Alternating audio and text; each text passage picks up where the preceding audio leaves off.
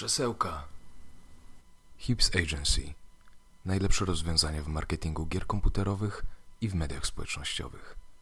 www.hipsagency.com We'll do hips for you. Autopromocja. Dzień dobry wszystkim. Krzesełka.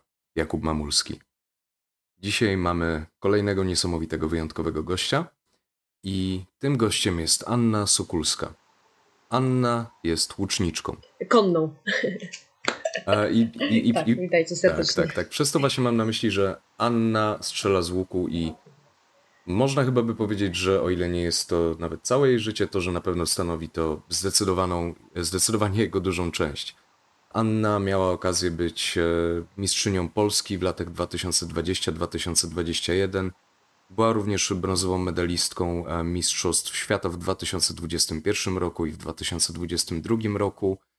I dzisiaj porozmawiamy sobie innymi o tym, jak wyglądała jej droga jako sportowca, jak ty, drogi słuchaczu, możesz zacząć sobie strzelać z łuku, być może też sportowo, e, oraz e, jak wygląda utrzymanie się, jeśli chodzi właśnie o życie sportowca, który uprawia sport mający bardzo długą tradycję, aczkolwiek nie będący raczej w świetle reflektorów.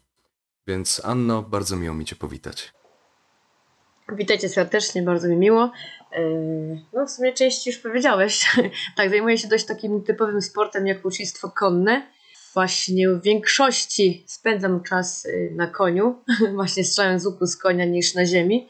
Także jestem dobrym łucznikiem konnym, nie pieszym, bo może ktoś pomyśleć, że jestem też bardzo dobrym łucznikiem pieszym, ale tutaj troszeczkę jakby można powiedzieć, że mój temperament i chęć do ciągłego galopowania i zrobienia coś szybko, to, to niestety przy, przy zawodach pieszych to jest troszeczkę mi ciężko mnie opanować, więc żeby zachować się w jednym miejscu cały czas. Mhm. A opowiedz właśnie proszę, jakie są główne różnice między łucznictwem e, pieszym a łucznictwem konnym? Różnica to jest taka, że mamy właśnie konia. Okej, okay, dobra. Który jest cały czas w ruchu. mogłem zgadnąć w sumie. to jest jeden w sumie takich z bardzo ważnych e, warunków. No i używamy łuków wschodnich, tak? Czyli refleksyjnych. Nie używamy za bardzo ani bloczkowych, sportowych, e, nic co ma celownik, bo celownik tam jest niepotrzebny do niczego. Nie mamy czasu, żeby celować ogólnie. Y, naszym celownikiem to jest nasze ciało i to, co właśnie wyćwiczymy trochę na ziemi, nie patrząc przez celownik. O tak. Jakby pamięć mięśniowa to już działa. Mhm. Okej. Okay. I jeśli na przykład chodzi właśnie o Twoją ścieżkę, to powiedz proszę, co było pierwsze, łuki czy konie? W mojej kwestii było akurat właśnie, pierwsze to były konie, później doszedł do mnie y, łuk. Y, uczyłam się jeździć konno w jednej stajni, podjęłam w takim wiorowcach, później jakoś tak mi się bardzo mnie zainteresowało e, dalsza jakby nauka jazdy konnej, więc poszłam do szkoły e, takiej jeździeckiej. To było w Sopraślu. No i tam w sumie tak można powiedzieć, że to się wszystko zaczęło. Mm, bo poznałam akurat w trzeciej klasie takich pasjonatów o czwórkę osób, tak? To była, był Michał Sanczenko, Michał Hoczaj, Norbert Kopczyński i Kasia Rokosz. I to właśnie tych, yy, tak jak powiem, jak w 2007 roku to było, taką, takich czwórku trochę dziwnych dziewaków, co przyjechało do naszej stajni, do naszej szkoły, co myśleliśmy o skokach, o jeżdżeniu, prawda, jakieś tam położenie. Nie myśleliśmy, że można strzelać z łuku z konia, że to kiedyś, kiedyś było, tak, XVI-XVII wiek, albo dziwny Robin Hood, co stwierdził, że nie będzie strzelał z ziemi, tylko będzie strzelał z konia albo Merida Waleczna, prawda? To jakieś kreskówki. A jednak yy, udało, czy poznałam właśnie tych yy, pasjonatów ucznictwa, historii również. I to troszeczkę przez nich się zaczęło, tak, tak naprawdę. Bardziej przez mojego kolegę Michała Sanczenkę, bo akurat on był Białego Stoku. I to jakby poszło troszeczkę. Zorganizowali oni warsztaty, nauczyli nas, moją klasę jeździć, strzelać z łuku z konia Zrobili po trzech dniach jakby tego szkolenia e, nauki łucznictwa, łucznictwa konnego mm, mini turniej. Wygrałam ten mini turniej i tak można powiedzieć, że Wtedy pamiętam, do tej pory pamiętam, że mam talent. Michał Sęczynko powiedział, że mam talent, nie powinnam tego przestawać i powinnam to robić cały czas. Co ja wtedy pomyślałam, że no, fajne ucznictwo konne jest, ale może tylko i wyłącznie jako coś alternatywa od skopów ujeżdżenia, od czasu do czasu, tak jakby, ale hobby, ale z końmi, prawda? No ale życie pokazało mi, że jednak to ucznictwo chyba bardziej jest y, mi pisane. Może muszę przyznać się, że jednak Michał chyba miał y, troszeczkę 10% rację, że mam tam talent, więc dałam sobie mniej więcej rok czasu takiego, że treningów, Stwierdziłam, że jeżeli po roku czasu nie będę miała jakichś wyników, no to coś innego będę robić z końmi. Ale jednak czas pokazał, że treningi nie poszły na darmo. Jednak moi, moja upartość osła pokazała, że, że po pierwszym roku już jakby codziennych treningów pokazały właśnie owoce, czyli pierwsze zawody za granicą to była Turcja i wygrałam w 2013 roku. Wygrałam y, jeden konkurs, y, to był konkurs kabak, to jest strzelanie, strzelamy do góry do takiego y, talerza i wygrałam tam złoto. Po paru miesiącach pojechałam na Ukrainę na kolejne zawody i wygrałam tam turniej nocny, miałam pierwsze miejsce i w, w turnieju dziennym wygrałam, miałam trzecie miejsce, więc to taki był do mnie w sumie zastrzyk, że no jednak praca ciężka się opłaca i i, no i, i tak zwiedziłam trochę świata, trochę postrzelałam po świecie, trochę powygrywałam medali.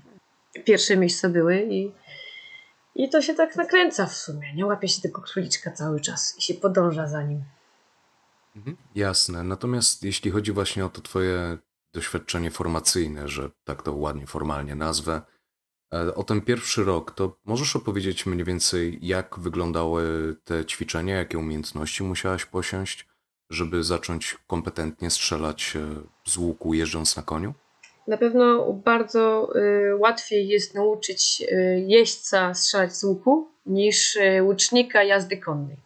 Tu akurat w związku z tym, że byłam w szkole, już dłużej jeździłam, więc dla mnie to nie było takiego problemu, ale jak mamy szkółkę jeździecką i i, i osoby, które zaczynają właśnie te ucznictwo konne, to dużo, dużo godzin muszą poświęcić jednak na te zajęcia podstawowe, żeby nauczyć, tej, się równowagi jakby na koniu, więc e, i tak naprawdę cały czas to jest szlifowanie non-stop jazdy konnej to nie jest że jest, nauczyłam się jeździć konno w galopie i na tym skończyłam, bo tak to naprawdę nie, bo to trzeba później różne strzały z przód, tył, y, czy do góry, czy do dołu strzelamy, czy nawet strzelamy z drugiej strony, y, jakby na lewą rękę można powiedzieć. Także to y, doskonalenie się jakby jeździeckie to trzeba cały czas się szkolić, ale Mm, jakby tak, przepraszam, bo trochę odbiegam chyba od tematu, co miałeś, tak? Trochę... Nie, luz, luz, luz, nie, ma, nie ma żadnego problemu, nawet jeśli gdzieś trochę polecimy. Takie są uroki dłuższych form. jakby mógłbyś wrócić do tego samego pytania jeszcze raz? Y... Chciałem się zapytać, e, jak właśnie wyglądał twój pierwszy rok tego, tego całego treningu? Jakie umiejętności musiałaś posiąść, tego typu rzeczy? Okej, okay. pierwszy właśnie rok wyglądał tak, że musiałam sobie jakby ułożyć konie, bo y, jak przyjechałam do kolegi do stajni, to tam jeden koń tak w miarę potrafił ucznictwo konne, drugi też tak troszeczkę, więc y, bardziej musiałam w stajni poukładać konie do tego ucznictwa konnego, żeby mogła mieć już normalne treningi. Akurat to był sezon y, jesienno-zimowy, więc to mi pomogło, nie było właśnie, nie było takich jakby dodatkowych zajęć e, czy zawodów. Był taki jakby sezon martwy troszeczkę, zaczynający się, więc i oczywiście przed zimą, bo zimą niestety palce nam grabiają, jak jeździmy na koniu, a nie strzelamy w rękawiczkach. Więc tak naprawdę codzienne strzelanie z ziemi, codzienna jazda konna musiała być. Tak? Minimum to jest 150 strzałów oddanych w Belesiana Mm, też musiało być i no i tak codzienna praca wyglądała, tak? Oprócz tego, że y, jakieś tam bieganie troszeczkę i też jakieś y, ćwiczenia wzmacniające mięśnie i własne ciała, czyli jakby troszeczkę taki ala crossfit. Ja zawsze śmieję się, bo to jest taki village crossfit. Jak jesteś na stajni i masz stajnię i ćwiczysz w stajni, to albo belę przyciągasz, albo wiatr z wodą nosisz. Także na czyli, przykład czyli, tak... czyli taki ludyczny crossfit trochę. Tak, tak, tak. Swoją drogą zazwyczaj właśnie jak widzę crossfit na siłowni, to jestem, jestem pod wrażeniem, bo ci ludzie potrafią ruszać się jak mało kto, ale tak jakby z perspektywy osoby, która ćwiczy głównie siłowo, to to wygląda tak, jakby robili oni najbardziej pokraczną pompkę, jaką widziałem w życiu. Jeśli ja potem próbuję to zrobić, to po prostu nie potrafię. tak, tak. Okay. Także jakby od tego się zaczęło, od jakby codziennych treningów, Wiadomo, musiał być też i czas na regenerację, zawsze jest, musi być czas na regenerację, ale też i ćwiczenie konia, bo w sumie tutaj jesteśmy jakby parą. Mm, ja nie jestem sama, jestem razem z koniem, więc też i koń musi mieć e, jakby też i ćwiczenia. E, to jest jakby twój kumpel, więc też musisz się z nim jakoś dogadać, żeby właśnie mu sprawiało to przyjemność, to uczestwo. Tak jak czy skoki, czy jeżdżenie jak się z koniem nie dogadujesz, to się nie dogadasz. Ogólnie też i podczas y, jakiejkolwiek dyscypliny sportu, znaczy jest dyscypliny jeździeckiej, o tak, więc to też musi być zaufanie od konia. Po tym bardziej jedziemy bez wodzy, nie, nie używamy właśnie wodzy, jak strzelamy z łuku, więc ten koń musi być też i tak bardziej poukładany, spokojny. Jasne. I w jaki sposób e, przygotowuje się konia do tego typu e, działań? to jest trochę proste, nieproste, bo trochę też trzeba wyczuć konia, e, jakby jego granice. Najczęściej konie, jak my zawsze się śmiejemy, jak można ułożyć konia, to jest od 5 minut do roku albo do półtora roku. Ja jednego konia właśnie troszeczkę dłużej robiłam, bo to był mój, znaczy nie był moim koniem, ale moim kolegi, mojego kolegi koniem, co w sumie tak naprawdę e, uczyliśmy się na błędach popełnionych, e, jakby Y, z braku doświadczenia, bo tak naprawdę to y, mało osób jeszcze w Polsce uprawiało ucznictwo konne i mało osób ktokolwiek układał konie pod ucznictwo konne, więc też i tak nie było za bardzo wiedzy pod to, czy to w Polsce, czy na, bardziej na świecie. Także metodą prób i błędów, ale tak naprawdę teraz w tym momencie to jest bardzo prosty sposób, bo na początku musi ten koń zobaczyć, że to strzała i łuk nie robią mu krzywdy i na pewno mu nie zrobią. Więc na początku strzelamy sobie parę z, strzałów z ziemi. Jak koń się nie boi i już stwierdzi, że e, za każdy strzał dostaje marchewkę, to tym bardziej jest zadowolony, że z nami pracuje, prawda? Więc tak jakby yy, największym... Metoda cięciwej marchewki. Tak, dosłownie, a bardziej yy, no tak trochę przykupstwo, można powiedzieć. Okej. Okay.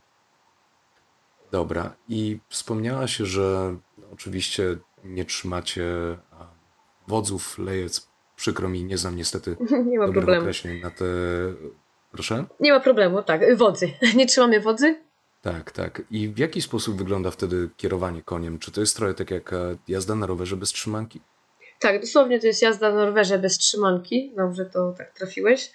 Yy, bo tak naprawdę w jeździectwie samym wody nam pomagają tak naprawdę, ale głównym naszym motorem to są nogi i biodra, czyli jakby dosiad yy, i ciężar ciała również, tak, jak operujemy. My robimy tak, żeby nie przeszkadzać dla konika podczas tego galopu, ale też i żeby nas się słuchał, tak, a przede wszystkim na przykład swoje konie też yy, robię na głos, czyli jakby na komendy głosowe, Czyli no, jak mamy robić galop, to mówię galop hop, koń sobie zagalopuje. I jak chcę, żeby zwolnić, to tak jak na przykład standardowo, jak chcę zatrzymać, y, każdy pewnie na wiosce słyszał to słowo pr, to również, y, to również te słowo właśnie ten dźwięk stosujemy, stosuje dla naszych koników, więc one wiedzą, kiedy mają się przytrzymać. Albo zwolnić, albo się zatrzymać. To też kwestia tonacji głosu. Tak jak wołasz psa, czy no w sumie to jest taki duży pies, można powiedzieć, konik. Okej, okay, dobra. Z tego, co mówiłaś, to, to wychodzi na to, że twoje lata formacyjne spędziłaś mniej więcej w północno-wschodniej Polsce. E, I chciałem się zapytać, czy właśnie w tych okolicach jeździectwo, e, przepraszam, ucznictwo konne jest e, najbardziej popularne, jeśli chodzi o nasz kraj?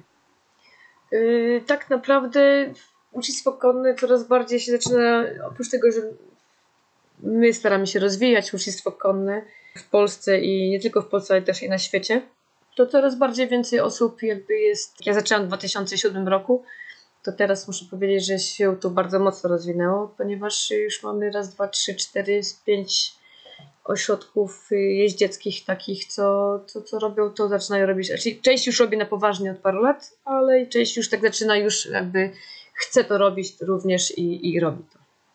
Także. Jasne. I w jakich okolicach są te ośrodki? Więc tak, my znajdujemy się na w Białymstoku. Kolejnym ośrodkiem są takie, jeden, dwa ośrodki są pod Warszawą, e, Łomianki i Piaseczno. Okolice Krakowa również, e, nie będę mówić nazwy, bo zapomniałam, ale też i Opole, pod Opolem również mamy stajnię, jest taka stajnia mała, taka Ewa Balicka prowadzi zajęcia tam też. W okolicy Kluczborka, e, stajnia Grom, ale też i stajnia Kawalkata pod Poznaniem, to tak. To również z kolejnym ośrodkiem. Jest też od niedawna stajnia Opalenie, to jest Kwidzyn, z tego co dobrze pamiętam. I Starogard Gdański. Także no, nawet więcej niż pięć, tak powiedziałam.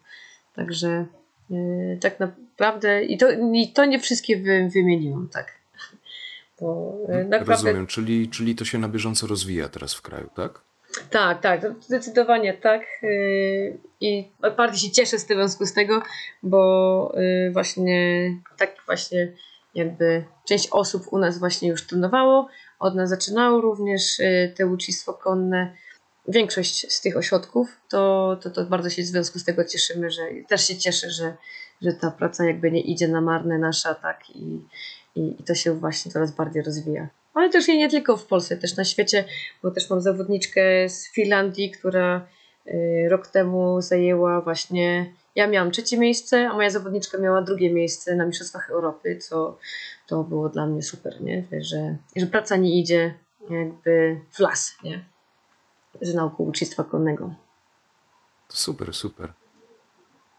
Zdaję sobie sprawę z tego, że ucznictwo konne w większej części stanowi, powiedzmy, Twoją ścieżkę zawodową, można byłoby tak powiedzieć, stanowi Twoją karierę. Natomiast e, jak wygląda Twój emocjonalny e, stosunek do tego sportu? Co on dla Ciebie znaczy? Co chcesz tak jakby dać od siebie dla rozwoju tego sportu i też co chcesz z tego sportu wyjąć dla siebie? E, to chyba będę teraz egoistką, bo jak najbardziej dążę do tego, żeby wygrać złoty medal na Mistrzostwach Świata, żeby nie być.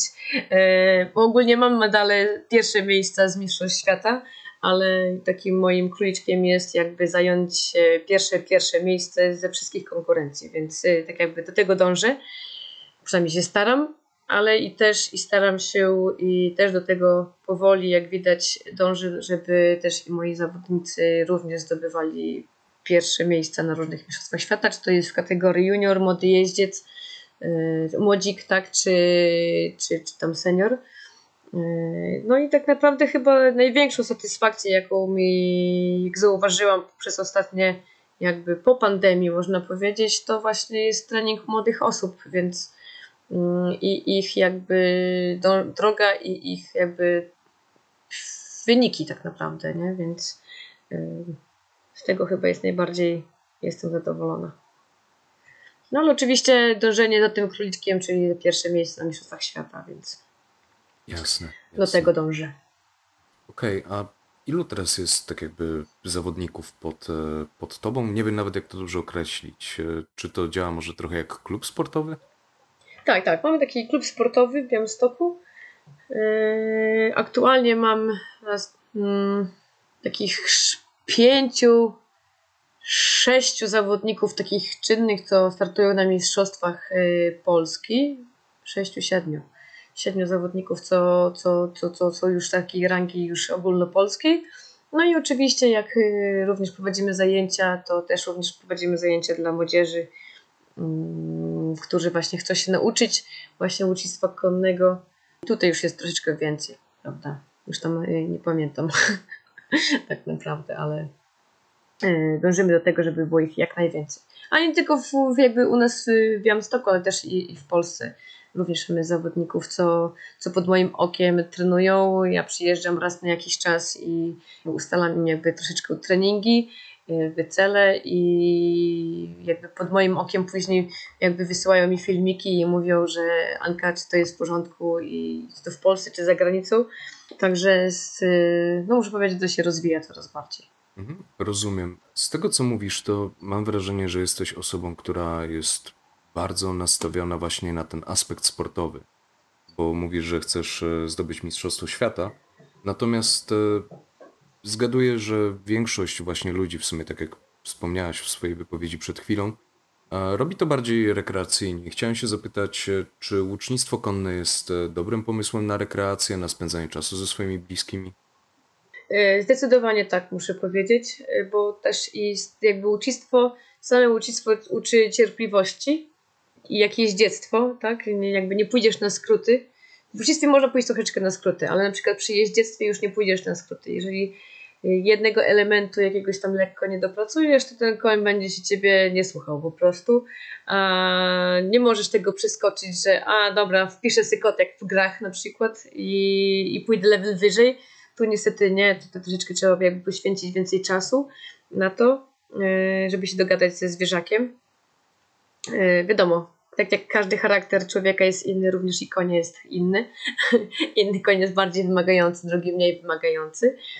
Także i to również jest dla, y, dla całej rodziny, ponieważ y, łucznictwem można stać i strzelać w, na przykład do tarczy, ale również można pójść, y, na przykład jeżeli żona nie chce strzelać z łuku, tak, a chce iść na grzyby, a akurat mąż lubi zbierania grzyby, ale lubi strzelać z łuku, to również można pójść do lasu, postrzelać sobie specjalnych strzał y, w lesie do pieńków, albo do jakich przy okazji można zrobić fajny, dobry uczynek, zbierając śmieci w lesie do jakichś puszek, nie puszek, a potem schować do, do, do worka na śmieci, tak jak to robimy czasami z kolegami albo z, naszym, z naszymi klubowiczami, wychodzimy do lasu i strzelamy sobie w pieńki albo do puszek zbierany, więc e, formy jakby łucznictwa i co można z łucznictwem robić i tak samo z jeździectwem jest bardzo dużo. Można sobie pojechać w teren z rodzicami czy swoją pociechą, tak, zabrać. Można bryczkę, można na kulik pojechać, więc formy właśnie aktywności nie ma końca tak naprawdę. Jasne. Swoją drogą, jak wspomniałaś o tym, że każdy koń jest inny i że każdy ma swój charakter, to Myślę, że ludzie bardzo często nie doceniają w sumie tego, jak zwierzęta potrafią być złożone. Pamiętam, jak e, kiedyś miałem szczury, e, kupiłem je w takim centrum handlowym niedaleko mnie, e, w zoologicznym tam. Jeden kosztował 15 zł, więc wziąłem dwa, bo one całkiem dobrze sobie żyją w stadach i mimo tego, że wiadomo, jakie mamy konotacje kulturowe związane ze szczurami, to to były tak złożone i tak różne od siebie zwierzęta, że to było dla mnie aż niepojęte. I tak, myślę, że konie, że, że, że konie są pewnie nawet jeszcze bardziej złożone. Tak, troszeczkę tak. Ale też są bardzo proste w sygnałach to, co wy, wysyłają, bo tak naprawdę koń jest szczerą jakby, jakby zwierzakiem, więc y, też i powie ci szczerze, że na przykład dobra, nie masz marchewki, to spadaj, nie? Albo o, cześć jesteś, tak, fajnie, że jesteś, nie? I, i przychodzi do ciebie i, i na przykład ja często jak przychodzę na padok, tak, zagwiżdżę do swojej klaczy, to ona przybiega do mnie, tak, więc yy, jako jedyna ze stada chce za mną się bawić. Rozumiem, czyli z tego co mówisz wychodzi na to, że konie są w sumie trochę jak psy, że jedne są na przykład wredne, jedne są miłe, jedne są interesowne. Mogą być, tak, tak, zdecydowanie. Dobra. Mam pytanie związane z ekwipunkiem do, do, do tego całego sportu. Jasne, wiadomo oczywiście, że najbardziej oczywisty jest łuk. Natomiast najpierw pogadajmy o stroju. Czy na przykład ma się jakieś, nie wiem, specjalne ochraniacze, albo czy nosi się wysokie buty, kurtki jokejskie? Mm, ogólnie strój może być taki dowolny, jaki może być nawet westernowy, czy, czy na przykład y, jak właśnie Amazonki jeżdżą czy to jeździsz y, klasycznie, czy właśnie westernowo, to jest bez różnicy tak, tak naprawdę, bo masz się czuć komfortowo na tym koniu. Oczywiście wiadomo, że nie może być za bardzo mm, y, odzieży takiej zbyt szerokiej, bo niektóre konie mogą się tego wystraszyć albo są bardziej czułe na różne sygnały z zewnątrz. Ale y, jak najbardziej, ja najczęściej jak jeżdżę, to najczęściej zakładam breczesy i i jakąś kurtkę, która nie jest za bardzo szeroka, żeby nie przeszkadzała mi przy strzelaniu, żeby dziedziwa nie uderzała mi w kurtkę, bo to też troszeczkę wpływa na celność. Mm, no i trochę bardziej, żeby ładnie to wyglądało, prawda? Jasne. A czy na przykład w tym sporcie nosi się jakieś ochraniacze, powiedzmy? Najczęściej nakładamy właśnie sztylpy, sztyblety. To są takie standardowe buty albo oficerki do jazdy konnej. Najbardziej bezpieczne. W sumie czasami nie zakładam y, tych, co mówię właśnie, ochraniaczy na nogi. Zwykłych nakładam dłuższe skarpetki i to wszystko tak naprawdę. No, akurat w tym to nie ma różnicy tak naprawdę, aż tak mocniej. Zależy, jeżeli trafimy do stajni, która jest bardzo ekskluzywna, tak, i każdy chodzi tak jak właśnie ma w spodniach za 200 zł, to się nie pokazuje, no ale to najczęściej już tam mało kiedy kto tam jeździ z ucznictwa konnego, bo jest każdy jest ustawiony bardziej na sport. Mogę się też mylić, jeżeli się mylę, to przepraszam, nie chciałabym nikogo urazić przez to, ale najczęściej yy, bo to właśnie jakby takie stajnie nie wyjeżdżają nawet i w teren z końmi, więc yy, są ustawione stricte na sport, skoki, ujeżdżenie, prawda? Ale jak najbardziej stajnie rekreacyjne, czy wiadomo, że jeździ się w normalnych takich strojach, nie przeszkadzając, nie przeszkadzając dla nas, nie, nie ma szwu wewnątrz, tak żeby nas nic nie obcierało od e, nogi. Wygodny stroju się jeździ. Czyli w sumie można byłoby na przykład w dresie tam być, zakładam. No niektórzy jeżdżą, tak, zdecydowanie. Jak ktoś lubi, to czemu nie? Okej, okay, dobra. Mam pytanie, jeśli chodzi w ogóle o sporty konne, bo wiadomo, jest bardzo dużo sportów, w których wykorzystuje się konie. Jak na przykład e, no, ucznictwo konne w Twoim wypadku, tak, albo drożkarstwo, jakieś powożenie, tego typu rzeczy. Jednakże mam wrażenie, że prym w tym wszystkim wiodą a przede wszystkim wyścigi konne, skoki przez przeszkody, tego typu rzeczy. I chciałem się zapytać, jaki jest stosunek ludzi, którzy uprawiają właśnie te bardziej mainstreamowe sporty konne w stosunku, w stosunku do Was? Czy jest tam może jakiś e, elityzm, albo może nawet trochę snobizm? W sumie ciężko powiedzieć, ale raczej wydaje mi się, że nie, bo każda forma jakby jeździectwa i promowania jeździectwa y, jest dobrą formą. Yy, na przykład teraz jest no, taka nowa dyscyplina jak Working Equitation, bardzo niszowy. Jest trochę, wydaje mi się, troszeczkę bardziej niszowe niż ucznictwo konne, ale również bardzo szybko rozwijający się yy, sportem, co uważam, że jest rewelacyjny, bo to jest połączenie ujeżdżenia, troszeczkę skoków, tak jakby yy, masz tryb roboczy dla konia w sumie, przyjeżdżasz troszeczkę, to jest podobne jak jest taka konkurencja ścieżka hulculska, to można powiedzieć, że troszeczkę bardziej rozbudowana ale y, zdecydowanie y, też bardzo fajnie. Mój kolega w Anglii już dawno to uprawia tą dyscyplinę mm, sporty właśnie the working equitation i, ogólnie jak jeżeli słyszę, że pierwszy raz ktoś słyszy na temat ucznictwa konnego nawet y, w stajniach, które jeszcze właśnie są zajmujące się przy strycie tylko i wyłącznie skoki czy tam ujeżdżenie, są pozytywnie zaskoczone, bo w sumie fajnie, bo łuk przyciąga, bo to jest jakby troszeczkę broń, tak? Biała broń, więc przyciąga to i część osób myśli, jak ja trafiam w tarczę, jak to może trafiać w tarczę, nie? I jak, jadąc galopem, nie? Jakieś ciężko czasami strzelić z ziemi w tarczę, żeby trafić w ten środek, nie? A to mówiąc jeszcze w galopie, albo w pełnym galopie, więc yy, słyszę bardziej od zawodników topowych, że, że, że szacun, nie? O tak. I są, sami próbują też również. Czyli w dużym skrócie koniarze trzymają się razem. Zdecydowanie. Ja, wydaje mi się, że tak no, u nas w Polsce ten, jakby to jeździectwo jest, nie jest tak mocno promowane, yy, tak jak piłka nożna, ale tak naprawdę nasi Polacy też już za granicą zdobywają różne fajne miejsca, też yy, czy to w rajdach długodystansowych. Mieliśmy bardzo dobrą yy, dziewczynę, która jeździła właśnie rajdy długodystansowe w krajach arabskich i zdobywała również pierwsze miejsca. Także tak naprawdę jeździectwo to jest fajnym sportem, tak? Bo nie jest prostym sportem, jak to mi się wydaje, że my siedzimy na koniu i nic nie robimy z tym koniem. Tak naprawdę tak nie jest. Y, trzeba, trzeba cały czas pracujemy z tym koniem, dogadujemy się. Dobra, w takim razie, jeśli mamy już tę część z głowy, to pogadajmy sobie o samych łukach. Zdaję sobie sprawę z tego, że istnieje mnóstwo, mnóstwo rodzajów różnych łuków. i że od wielkiej biedy można byłoby nawet, tak jak w sumie żartowałem sobie, zanim zaczęliśmy jeszcze rozmawiać, że, że można byłoby sobie zrobić e, łuk z rurki PCV albo z kijka i nie wiem, z żurów, ze sznurówki albo z żyłki wędkarskiej czy z czegoś w tym stylu.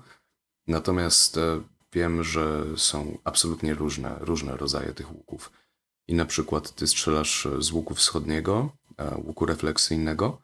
Wiem też, że na przykład są te łuki bloczkowe, które mają, nie wiem, za dużo kółek, 17 cięci, nigdy nie wiadomo z czego strzelić, jeśli nigdy się tego nie miało w ręce. Natomiast e, no, są też na przykład te łuki japońskie, które są asymetryczne i wyglądają całkiem dziwacznie jak na nasze standardy. Więc chciałbym, proszę, żebyś opowiedziała trochę o tym, jakie najczęściej rodzaje łuków można spotkać u nas w kraju, z czym, z czym jest się na, najłatwiej zapoznać, jeśli chodzi o ten sport. Dobrze, to takie ogólnodostępne łuki, co nadają do strzelania z łuku z ziemi, e, to najczęściej właśnie łuki typu hunter, łuki właśnie bloczkowe, łuki sportowe. Powoli rozpromujemy właśnie te łuki wschodnie, y, z których my strzelamy z konia, ale one nie tylko muszą, musimy z nich strzelać z konia, ale również z ziemi się też nadają.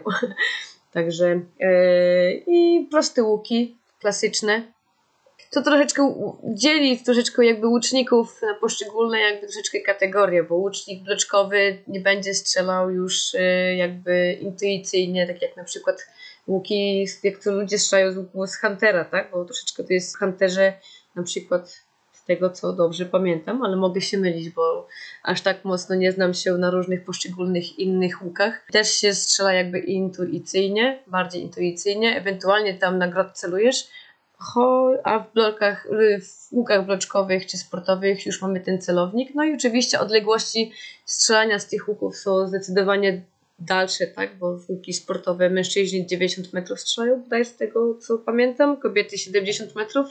No to jest to jest kawałek jakby, jakby dystansu do tarczy, żeby trafić ten środeczek, tak? Więc tak samo w łukach bloczkowych. Także można powiedzieć, że łuki bloczkowe to fajne rowery.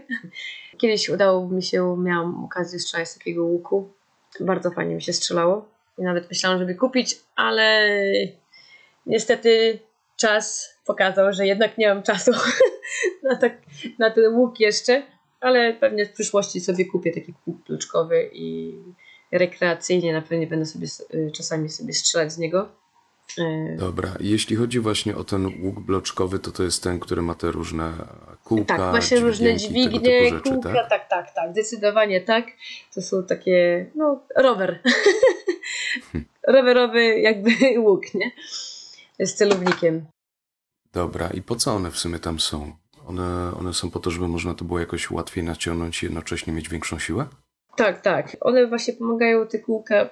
Jak naciągniemy łuk, to przechodzimy przez taką granicę, że on się staje, ta cięciwa raptownie lekka i jesteśmy w stanie utrzymać na łuk napięty dość dłuższy czas.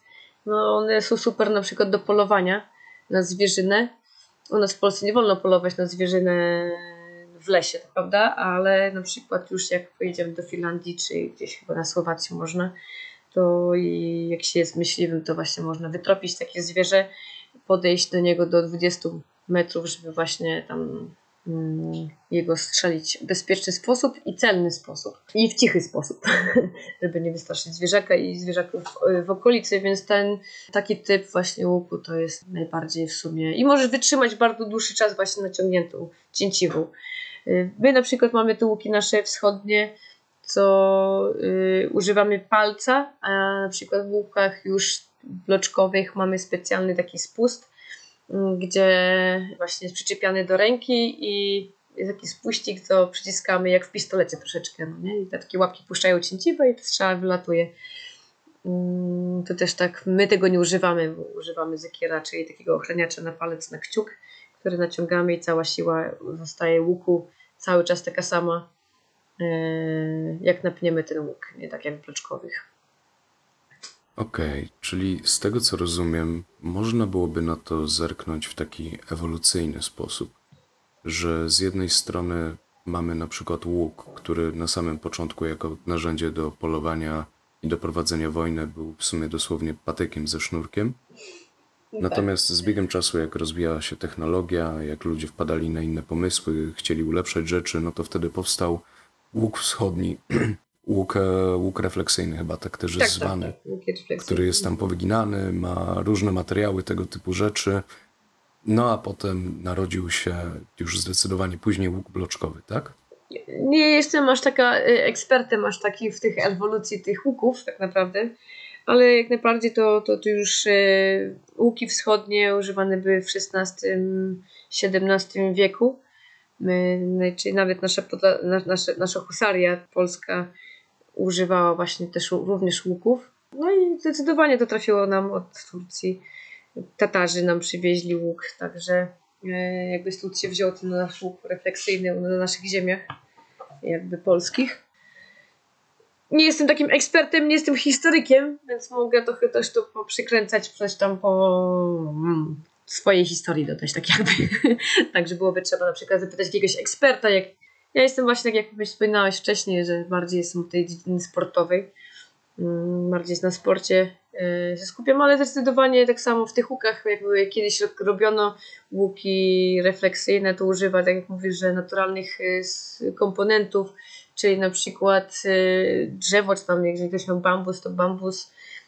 Mm, Nie wiem, czy brzoza się aż tak mocno też nazywała, raczej chyba nie była za, a może i tak. E, I cis na przykład mogli też używać cis chyba, ale nie jestem tak do końca pewna, mogę, ale jakiś komponent, jakiś w środku było drzewno, tak, yy, drewno i na pewno były rogi z bawoła wodnego na przykład i pokryte to ścięgnami również, żeby to wszystko razem trzymało i tak na taki łuk właśnie. Z tego co wiem, to się czekało na przykład rok czasu, bo to wszystko musiało tak jakby powyginać się dobrze, tutaj ten klej e, musiał też dojść do siebie, więc yy, Więc zrobienie takiego łuku zajmowało czas, tak? Tak, zdecydowanie dużo czasu zajmowało. E, Ale na przykład teraz to oczywiście technologia poszła do przodu, więc e, w tych nowoczesnych łuków już nie ma e, rogu bawoła, tak? Ale na przykład jest e, włókno szklane czy węglowe. Plastik może być plastikowy, właśnie jak z PCV, tak? I kawałek sznurka. To na YouTubie można zobaczyć, jak zrobić łuk z PCV. E, Więc e, nigdy z takiego jeszcze nie strzelałam. e, ale też i to były jakieś. Ja kiedyś strzelałem z łuku, który dosłownie był zrobiony z patyka. Um, nie dam sobie leszczyny to, pewnie jakie i- To, to było drewno.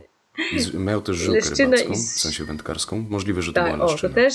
To jesteś e, z tego co wiem, mniejszości, kto miał e, właśnie żyłkę e, wędkarską. E, ja z większości słyszałam o stopowiązałce, czyli jak były ciuki, tak, to sianem to czepiało się ciuk, z, zabierało się od dziadka sznurek od siana i, i się przyczepiały do łuk. No, ja tam z bloków jestem, więc my tam nie mieliśmy zbyt wielu snopów czy, czy snopowiązałek w okolicy. Zdecydowanie.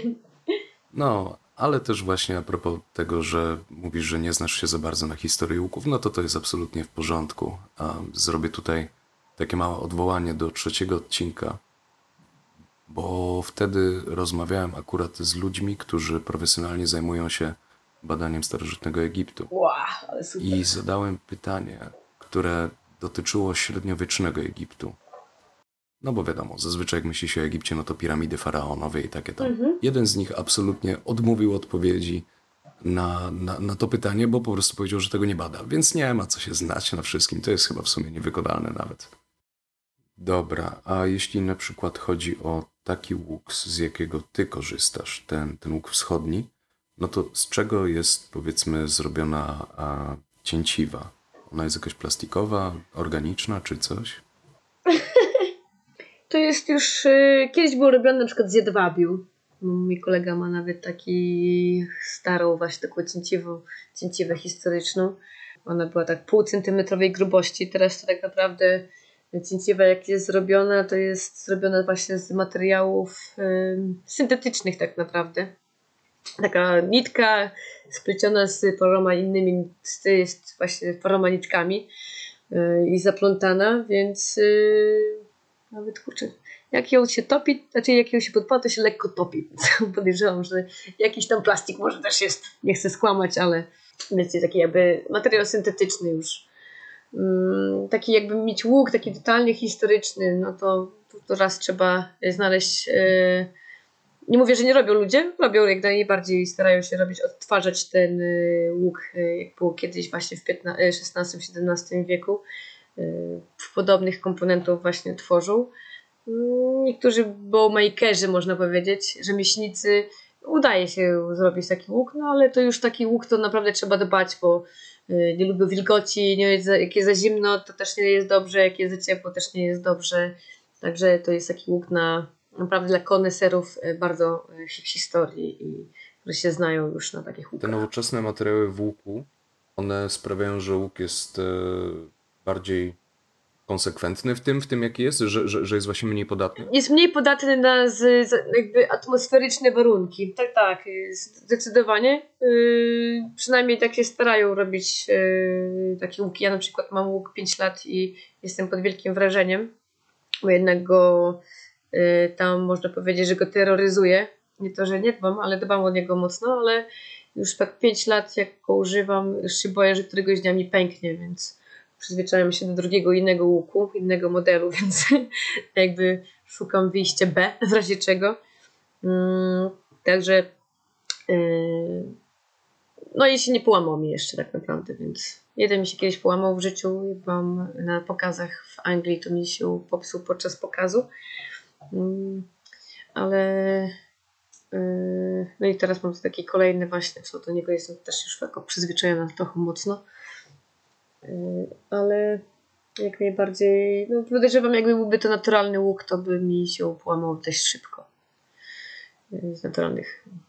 Jakbyś była w sytuacji, w której masz jakiś łuk, do którego już jesteś przyzwyczajona, strzelasz z niego kilka lat, i złamałby ci się, to w takim razie taki łuk się naprawia, czy arrivederci?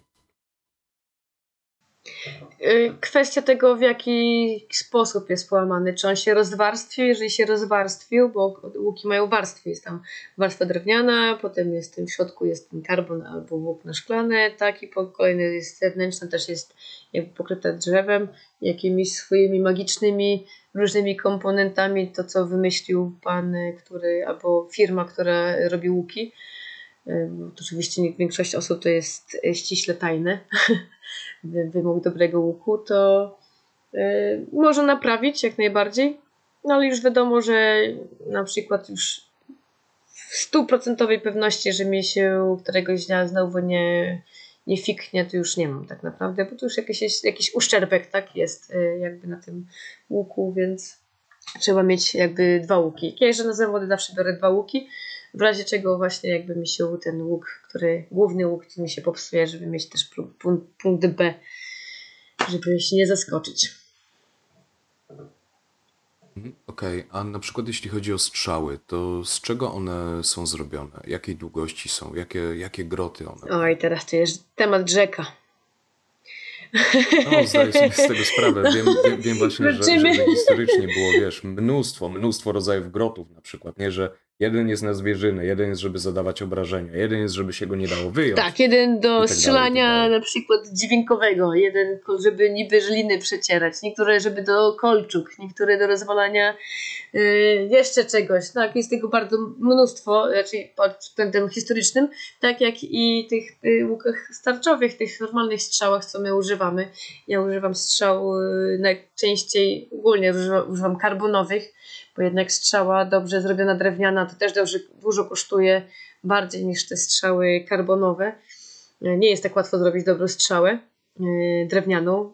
Każdy, wiadomo, I też trzeba o to mocno dbać, bo wilgoć dostanie się do strzały drewnianej, to zaraz wiadomo, będzie powyginana ta strzała i podczas strzelania to ona nie będzie latała gdzie chciała, a nie tam, gdzie będziemy my chcieli. Także y, odnośnie strzał drewnianych to trzeba bardzo mocno dbać i pielęgnować te strzały. Mm, karbonowy już tak właśnie już tak nie trzeba, trzeba pilnować tylko, żeby się nie, żeby nie pękła, bo jakiś tam mikrouraz może spowodować to, że może strzała pęknąć nam podczas strzelania i możemy potem dostać jakiegoś urazu, czyli jakieś malutkie karbony, yy, szczątki karbonu może nam się wbić w rękę Czasami tak się zdarza, bardzo rzadko na szczęście. Mm, no ale na przykład jak mam taką widzę strzała, która jest lekko już uszkodzona, to czy to drewniana, czy to karbonowa, czy aluminiowa już się psuje, żeby specjalnie, żeby nie korciło, żeby z niej strzelać, albo żeby ktoś z niej strzelał, żeby sobie krzywdy nie zrobił. A strzał jest y, tak naprawdę mnóstwo. Można wybierać karbonowe, aluminiowe, y, czy to drewniane, czy drewniane. Od drewnianych to jeszcze różnego tworzywa drewna, czy to strzały z włókna węglowego również. Aktualnie na rynku jest bardzo dużo możliwości wybierania strzał, czy to cienkie strzały, czy to grubsze strzały. Mm, ja najczęściej używam strzały, używam chyba od 6 lat podobnego modelu i to jest chyba Easton Powerflight 500 do, 30, do 35-funtowego łuku. Długie strzały, przy tym co my strzelamy tak naprawdę z konia, my tak naprawdę dużo ingerujemy jakby w tą strzały, więc yy, to nie jest tak jak strzelamy z ziemi, bo w sumie jeździmy na koniu i również jakikolwiek koń się potknie, nie potknie, coś tam wystraszy, podskoczy, czy się przytrzyma, to również to ma wpływ na lot strzały. Czy to jest blisko, czy to daleko mamy strzał, bo najbliższy strzał oddajemy tam 5 metrów, najdalszy strzał już podczas innej y, jakby toru polskiego może być nawet do 70 metrów mamy tarczę, więc tu już trzeba być troszeczkę bardziej precyzyjnym przy strzelaniu, ale również i, i te strzały nam się psują na potęgę, więc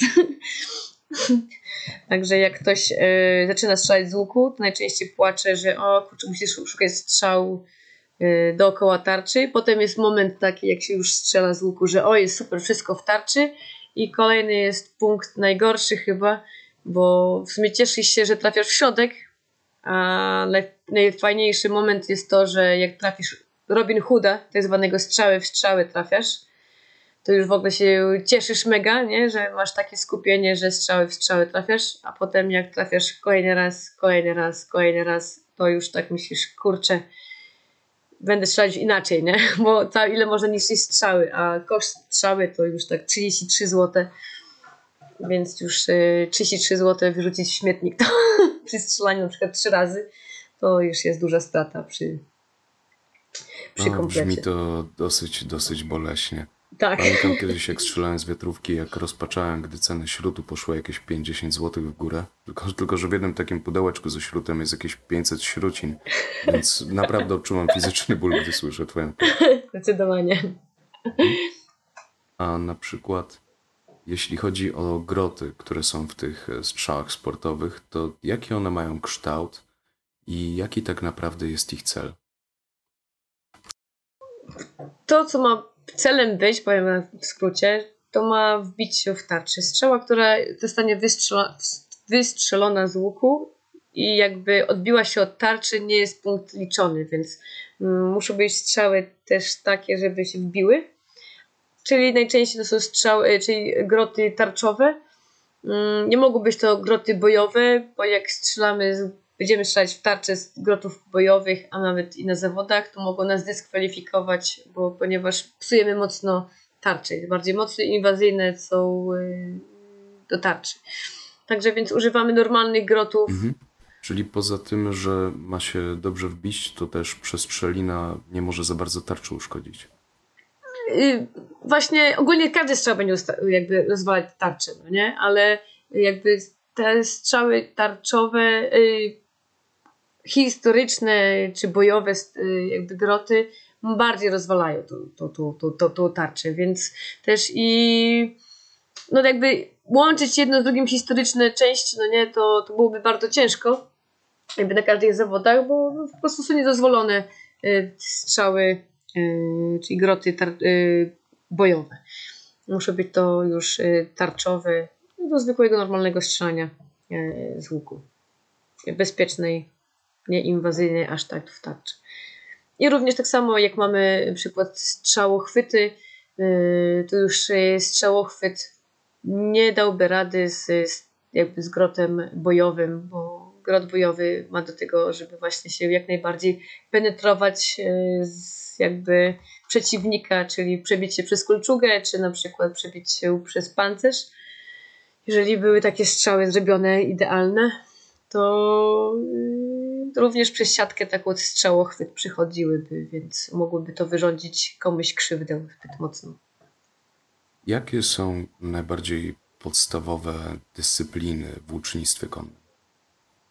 W Polsce co my jeździmy najczęściej są trzy dyscypliny, jakby trzy mm, no, można powiedzieć trzy dyscypliny można tak, nie? Yy, trzy tory, czyli tor ride, tor kolejny tor to jest tor tower 90 i hand track lub teraz ogólnie jest pol, torem polskim, więc yy, dwa pierwsze tory ride i tower jest rozgrywany na torze, który ma y, od 90 metrów do 120 potrafi być metrów y, długości na wprost.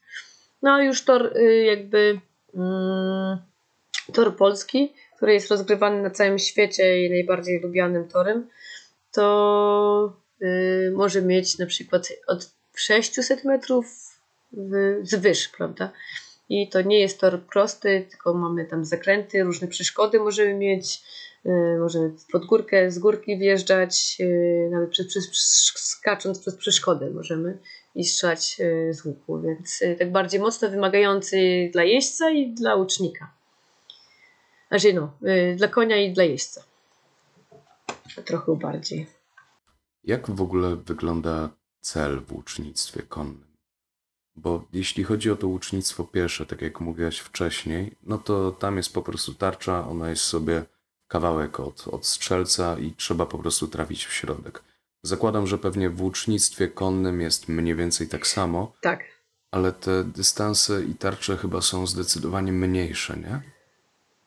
Yy, tak. Yy, przykład w torze rajd mamy najbliżej to jest 50, yy, 5, 5 metrów, 5, 6 metrów do, do tarczy i to jest sobie jedna z najbliższych, ale może być też i y, tarcza, co jest ustawiona jakby przy nogach konia, w sumie przy torze, więc tej odległość jest już jeszcze zdecydowanie krótsza, ale to nie znaczy, że jest bardzo prosto w nią strzelić, bo musimy tak wygiąć łuk i tak zrobić, żeby nie uszkodzić konia, oczywiście nie trafić naszego przyjaciela, ale i trafić... chyba też, nie? E, w nogi akurat nie, nie, nie jest to tak źle akurat. Ale żeby na przykład nie, nie dostać bardziej ramieniem łuku, żeby go nie, nie uderzyć, o tak, nie? Więc e, to akurat przy tym jest bezpieczny koń, tylko bardziej właśnie strzała jest, od strzały jest bardziej bezpieczny, ale e, żeby go właśnie nie uderzyć e, ramieniem, czy to górnym, czy dolnym łuku, no może się wkurzyć.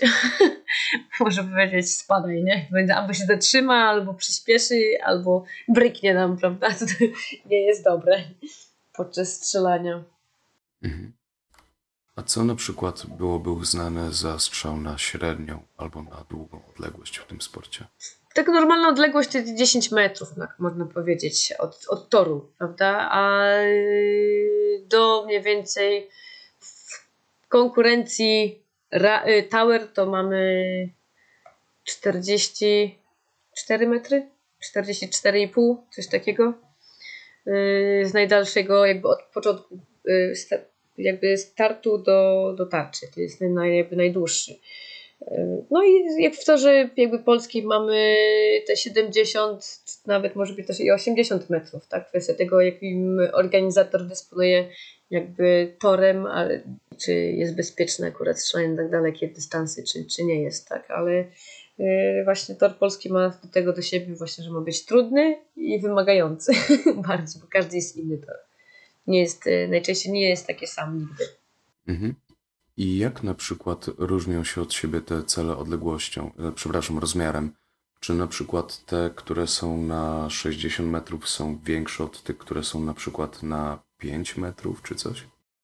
Ogólnie, jaki jest to przykład rajd, to mamy tarczę szerokości tam, nie chcę skłamać, 80 cm na 80 no i środek wiadomo znajduje się 10 cm, tak? Yy, jakby średnicy i to jest 5 punktów liczony, tak zwany tygrys. Strzelamy do tygrysa, nie? Yy, w towerze jest tak samo, jest punktacja od 1 do, do 5 i a na przykład w torze polskim punktacja jest troszeczkę, troszeczkę bardziej skomplikowana, bo to jest bardziej trochę trudniejszy, więc e, punktacja jest 1, 2, 5 i 7. No tak.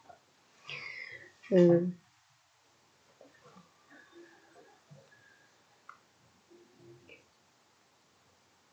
Na torze polskim najczęściej jest y, ustaw... najmniej, minimum może być 8 tarcz. W tym musi być właśnie y, jakby daleki dystans, czyli long shot. I on ma być ustawiony tam 40 do 70 do 80 metrów. E, strzała, kolejny strzał to ma, ma być kolej, koniecznie jakby do zie w ziemię, czyli w dół, jakby strzał w dół i, i jakby offside, czyli jakby na złą stronę łucznika, czyli jak my strzelamy na prawą rękę, to jest strzał na lewą rękę, tak jakby. I w momencie albo zmieniamy rękę i strzelamy na lewą rękę, albo po prostu tak wykręcamy nasze ciało, troszeczkę stosując ćwiczenia z jogi i przekręcamy nasze ciało i strzelamy z drugiej strony konia. Jakby nie z lewej strony konia, tylko z prawej strony konia. Także troszeczkę są różne takie, no i dodatkowo są liczone punkty za czas w każdej z tych trzech konkurencji. Troszeczkę inne normy są czasowe. Yy, w torze polskim jest zdecydowanie różne, to, bo nie mamy tak, nigdy tak samo, ponieważ ty, jakby dystans jest zdecydowanie różny. I to zależy już od dystansu. I tak samo jak jest liczony, czy na przykład w skokach WKKW, również jest tam dystans liczony i metrów na sekundę, ile powinien kon przyjeżdżać, to tak samo jest troszeczkę obliczany tutaj mm, w, w torze polskim. Tak, to troszeczkę mhm. skomplikowane, ale w sumie, bo tu mówimy o trzech torach, jak już się ogląda i patrzy, to jest zdecydowanie troszeczkę inaczej. E, proste jest to prawda. Widzisz, jak trafisz, masz 5 punktów, 5 punktów. Jak masz tam punkty, nie przekroczyłeś normy czasu, to masz punkt dodatkowo e, za, za czas jeszcze, więc czasami zdarza się, że im szybciej, tym lepiej. No i im trafniej też lepiej jest, więc w niektórej jednej dyscyplinie na przykład warto jechać na 20 sekund i strzelać wiele strzał i trafiając oczywiście w tarczę, to wtedy można zdobywać naprawdę dużo punktów mm, yy, i zgarnąć właśnie nie, nie, nie, nie masz punktów za czas, ale masz dużo punktów za tarczy, więc tak najbardziej się najbardziej opłaca jeździć wolniej, o ile umiesz wystrzeliwać bardzo szybko strzały z łuku. 12 strzał tam w, na 99 metrów. Mhm, Okej. Okay. Także trzeba się tam. Rozumiem. Czy na przykład jak jest powiedzmy takie strzelanie bardziej na szybkość, to strzały trzyma się raczej w kołczanie czy w dłoni? To to zależy od konkurencji. Właśnie na przykład w konkurencji rajd musisz mieć tylko i wyłącznie jakby z, z kołczanu musisz wyciągać, chociaż jak masz już do pięciu tarcz strzelasz, to już możesz mieć strzały jedno założoną na cięciwie w ręku nie można mieć. A na przykład w, w Kasai, Traku czy w Tower tak zwanym również możesz mieć strzały już w ręku i możesz strzelać jakby z ręki i z kołczanu. W torze polskim zaczynamy strzałę założoną na cięciwie, ale jak przejdziesz bramki startowe, to już możesz wyciągnąć y, strzały do, do ręki, o ile to Ci się będzie opłacało, bo można sobie, ogólnie w torze polskim y, musisz sobie ustawić strategię, jak chcesz jechać. Czy szybko, czy wolno, czy gdzie masz strzały wyciągnąć, gdzie masz strzały wyciągnąć i tak dalej. Więc tutaj, że bardziej tak jest mm, dla zawodnika bardzo mocno dla, trzeba się skupić i wcześniej zobaczyć ten tor, jak on wygląda, żeby sobie ustawić strategię. Mhm. A na przykład, e, jak powiedzmy, jesteś konno, to jaki jest taki twój najbardziej komfortowy dystans do oddania strzału? To jest ciężko powiedzieć, bo mm, tak naprawdę no, muszę się do, dostosować do konia. W związku z tym, że jeżdżę na, jadąc na za, za granicę na zawody, najczęściej nie zabieram swojego konia. Yy, najczęściej wypożyczam tam konia na miejscu. Co yy, też i mamy bardzo krótko czasu, ma, mało czasu, żeby się przyzwyczaić do konia. Yy, i tak naprawdę jak musimy dzień wcześniej muszę dostosować jakby mm, konia do jakby strategii do, do akurat do jazdy, czy to jest ride, czy to jest tower, czy jest to, to tor polski, e, ponieważ na przykład w swoim koniu to ja wiem co on robi i wie na jakim torze ma jechać, czy ma szybko jechać, czy ma wolno jechać, jakim tempem. Mm, ale tutaj już później na przykład na zawodach za granicą to ja już y, muszę się dostosować, tak? I na przykład w Azji troszeczkę inaczej jeżdżą, y, czyli jest troszeczkę bardziej szybciej, mają bardziej pędzące konie do przodu, a na przykład w Europie troszeczkę te konie są bardziej tak ustawione na, na średnie tempo, nie za szybko, ale też nie za wolno.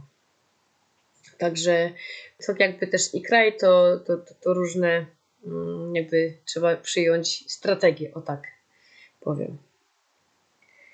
Nigdy nie jest tak samo, o tak, nie? Wspomniałaś o Azji i na dobrą sprawę łucznictwo konne bardzo mocno kojarzy się z Mongolią. Chciałem się zapytać, jakie są światowe potęgi w łucznictwie konnym? E, światowe potęgi? Znaczy, tak, hmm, tak. no Azja to bym nie powiedziała. Okay. bo tak naprawdę, bo tak my Tutaj trochę też ciężko powiedzieć jest, bo no, w Azji, jeżeli jeździmy tylko i wyłącznie w Azji, to, to oczywiście, okej, okay, Mongołowie są urodzeni w siodle i jak byłam w Mongolii na Mistrzostwach Świata, to oni po prostu no, przyklejeni są. Tam są malutkie dzieciaczki, tam widziałam dwu czy trzyletnie dziecko było wsiadane na, na konia, tak, i już y, tam tata brał ze sobą przywiązanego konia do siodła, tak, i ten konik z tym dzieckiem tam człapał za, tym, za, za tatą, tak jakby, za, za taty koniem, o tak, nie. Także y, zdecydowanie jest inaczej, inne podejście do koni, jak u nas w Europie. Hmm. Także tak, tak, zdecydowanie. Yy, tylko, że używają na przykład kołczanów już nie historycznych, tylko zmodernizowanych, czyli te, jakby można powiedzieć, yy, indiańskich, można o tak, nie, że było za pleców, bo mongolskie łuki, e, czyli kołczany nie były właśnie za pleców, tylko były bardziej przy biodrze, yy, przy pasie. Yy, także yy, i chyba znowu uciekłam od tematu. No, może troszkę, ale to nie szkodzi. Um, jaki kraj jest, albo jakie kraje są najbardziej przodujące, jeśli chodzi o łucznictwo konne? Na chwilę obecną to y, Francja i. Mm, Francja? Teraz trochę, trochę y, Węgry opadły mocno w dół, spadły, chociaż też i były jakiś czas temu Francja, Węgry, Polska. To można powiedzieć, że żeby nie skłamiąć i nas tak bardzo nas nie yy, tak za bardzo nas Polaków yy, nie zawyżać, no ale jednak jest tak. Francja, Polska, tak. Teraz Kazachstan mocno poszedł do góry również yy, w szybkim tempie. Ktoś tam może pójdzie wkrótce też i z, z Indonezji, bo Indonezja bardzo szybko się rozwija w tym uczestnictwie konnym. Jak będzie 10 lat temu w 2010 roku organizowaliśmy pierwsze zawody, to jeszcze nikogo nie poznałam z, z Indonezji. E, pierwsze osoby może poznałam 4 lata temu, a teraz mają dwie czy trzy federacje, więc ich tam jest bardzo dużo i, i bardzo mocno się rozwinął ten sport. I ogólnie w Azji bardzo szybko się rozwija ten sport. Jak w, 3 lata temu nie znałam nikogo z Arabii Saudyjskiej, to w tym roku są organizowane World Cup właśnie w, w Arabii Saudyjskiej. E, I już tam też jest parę, już e, trzy ośrodki, cztery łucznictwa konnego w przeciągu trzech lat, to, więc to jest tempo szybkie, tak? W bardzo szybkim tempie tam się rozwija to łucznictwo konne. Tak samo w Katarze. Wróciłam niedawno te, te szkolenie, prowadziłam szkolenie w Katarze dla kobiet, także tam były kobiety z, przyjechały z no, z Kataru to wiadomo, ale też i z Kuwejtu, czy tam jedna dziewczyna z Egiptu przyjechała i też się szkoli. I to się rozwija coraz bardziej prężniej w tych krajach. Także y, na pewno szybciej niż w Europie. W Europie troszeczkę tak jakby przy, przystało, chociaż Francuzi bardzo, mm, sobie można powiedzieć, że Francuzi to jest drugi, drugi sport, to za piłką nożną, to właśnie jeździectwo mają Mm, te jeździectwo mają bardzo ukorzenione u siebie. I, I dzieciaki tam też śmigają i strzelają z łuku. Dlatego właśnie Francja zaczęła bardzo też się rozwijać w tym kierunku i dlatego to mają też dobrych zawodników w łucznictwie konnym. Młodzież zdecydowanie potęguje. Jasne. A na przykład jeśli chodzi o samą technikę strzelania, mam wrażenie, że na przykład jeśli ktoś pomyśli o takim standardowym ucznictwie sportowym, takim pieszym, to ma przed oczami człowieka, który mierzy pół minuty jedną strzałę, puszcza strzałę i potem łuk mu tak dziwnie dynda. Czy, czy, czy, czy możesz wyjaśnić, o co z tym chodzi? Znaczy, zdaję sobie sprawę, że to nie jest twoja dyscyplina, ale, ale to, to wygląda po prostu dziwnie, jak tak strzela i potem ten łuk po prostu zwisa. Yy, mówisz o tym z ziemi, jak strzelają, tak? Czy Tak, to tak, z, tak, tak. z ziemi? Yy, ogólnie to jest troszeczkę to, co właśnie o tym mówisz, to dlatego, żeby jak najmniej wpływu mieć, człowiek miał najmniej wpływu dla łuku, żeby nie przeszkadzać, tak? My akurat, ja jak my strzelamy właśnie z łuków wschodnich, to mamy duży wpływ yy, właśnie, inaczej trzymamy.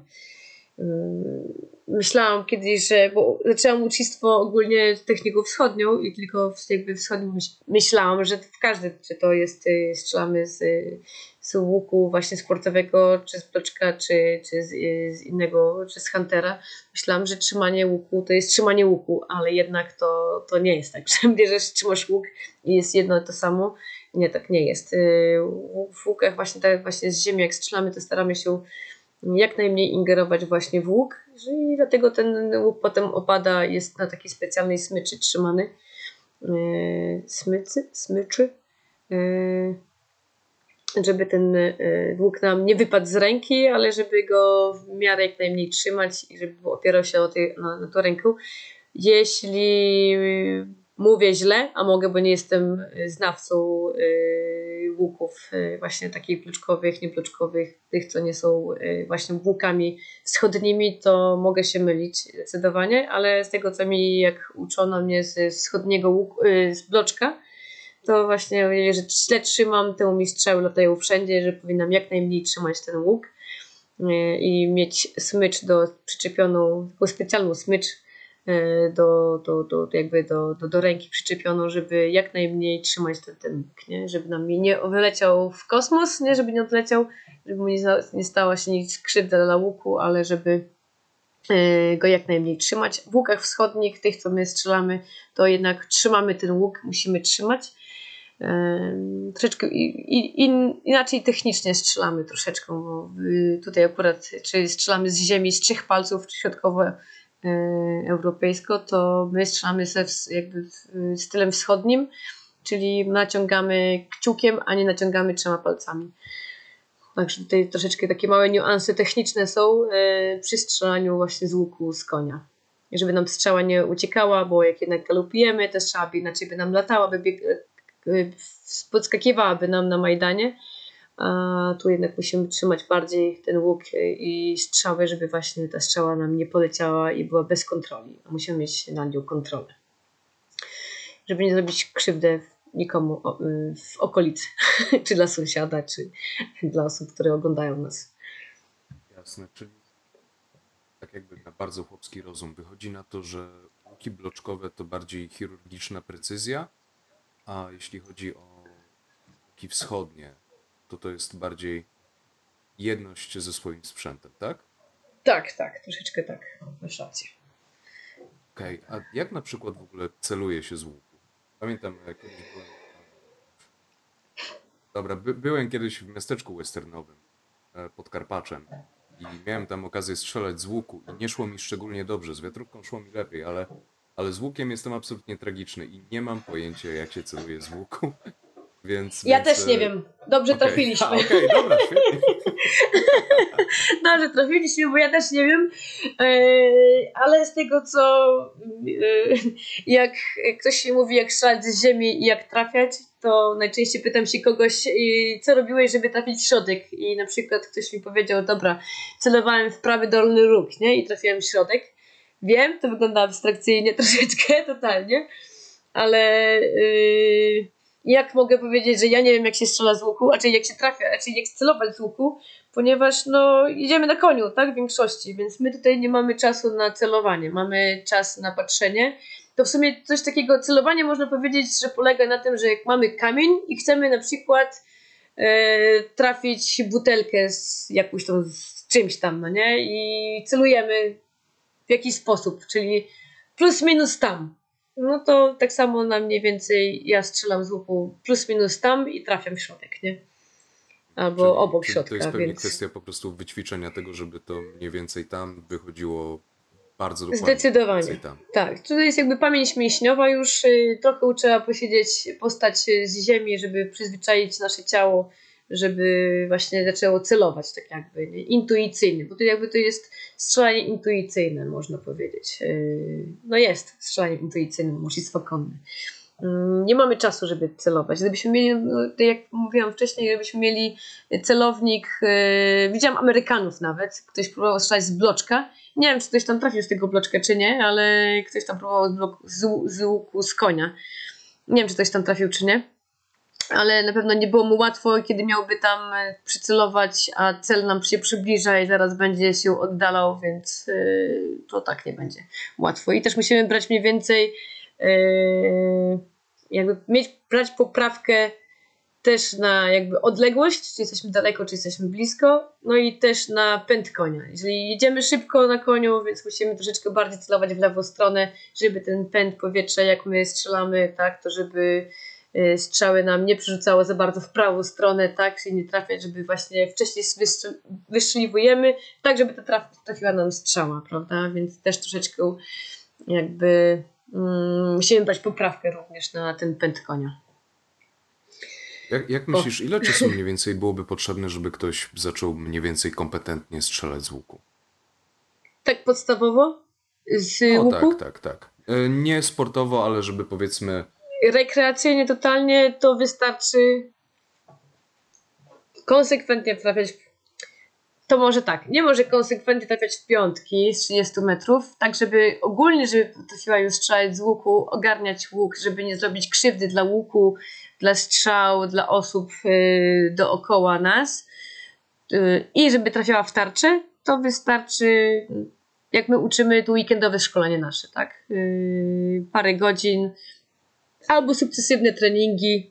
Żeby powiedzmy konsekwentnie trafiać piątki z odległości powiedzmy 30 metrów. raz, dwa razy w tygodniu i, i tak zaczynamy strzelać już normalnie w tarczę. Yy, Co, żeby trafiać w piątkę z 30 metrów, to dałeś bardzo ym, hardkorowe troszeczkę mm, odległość. bardzo ambitnie, Mówisz, bardzo ambitnie.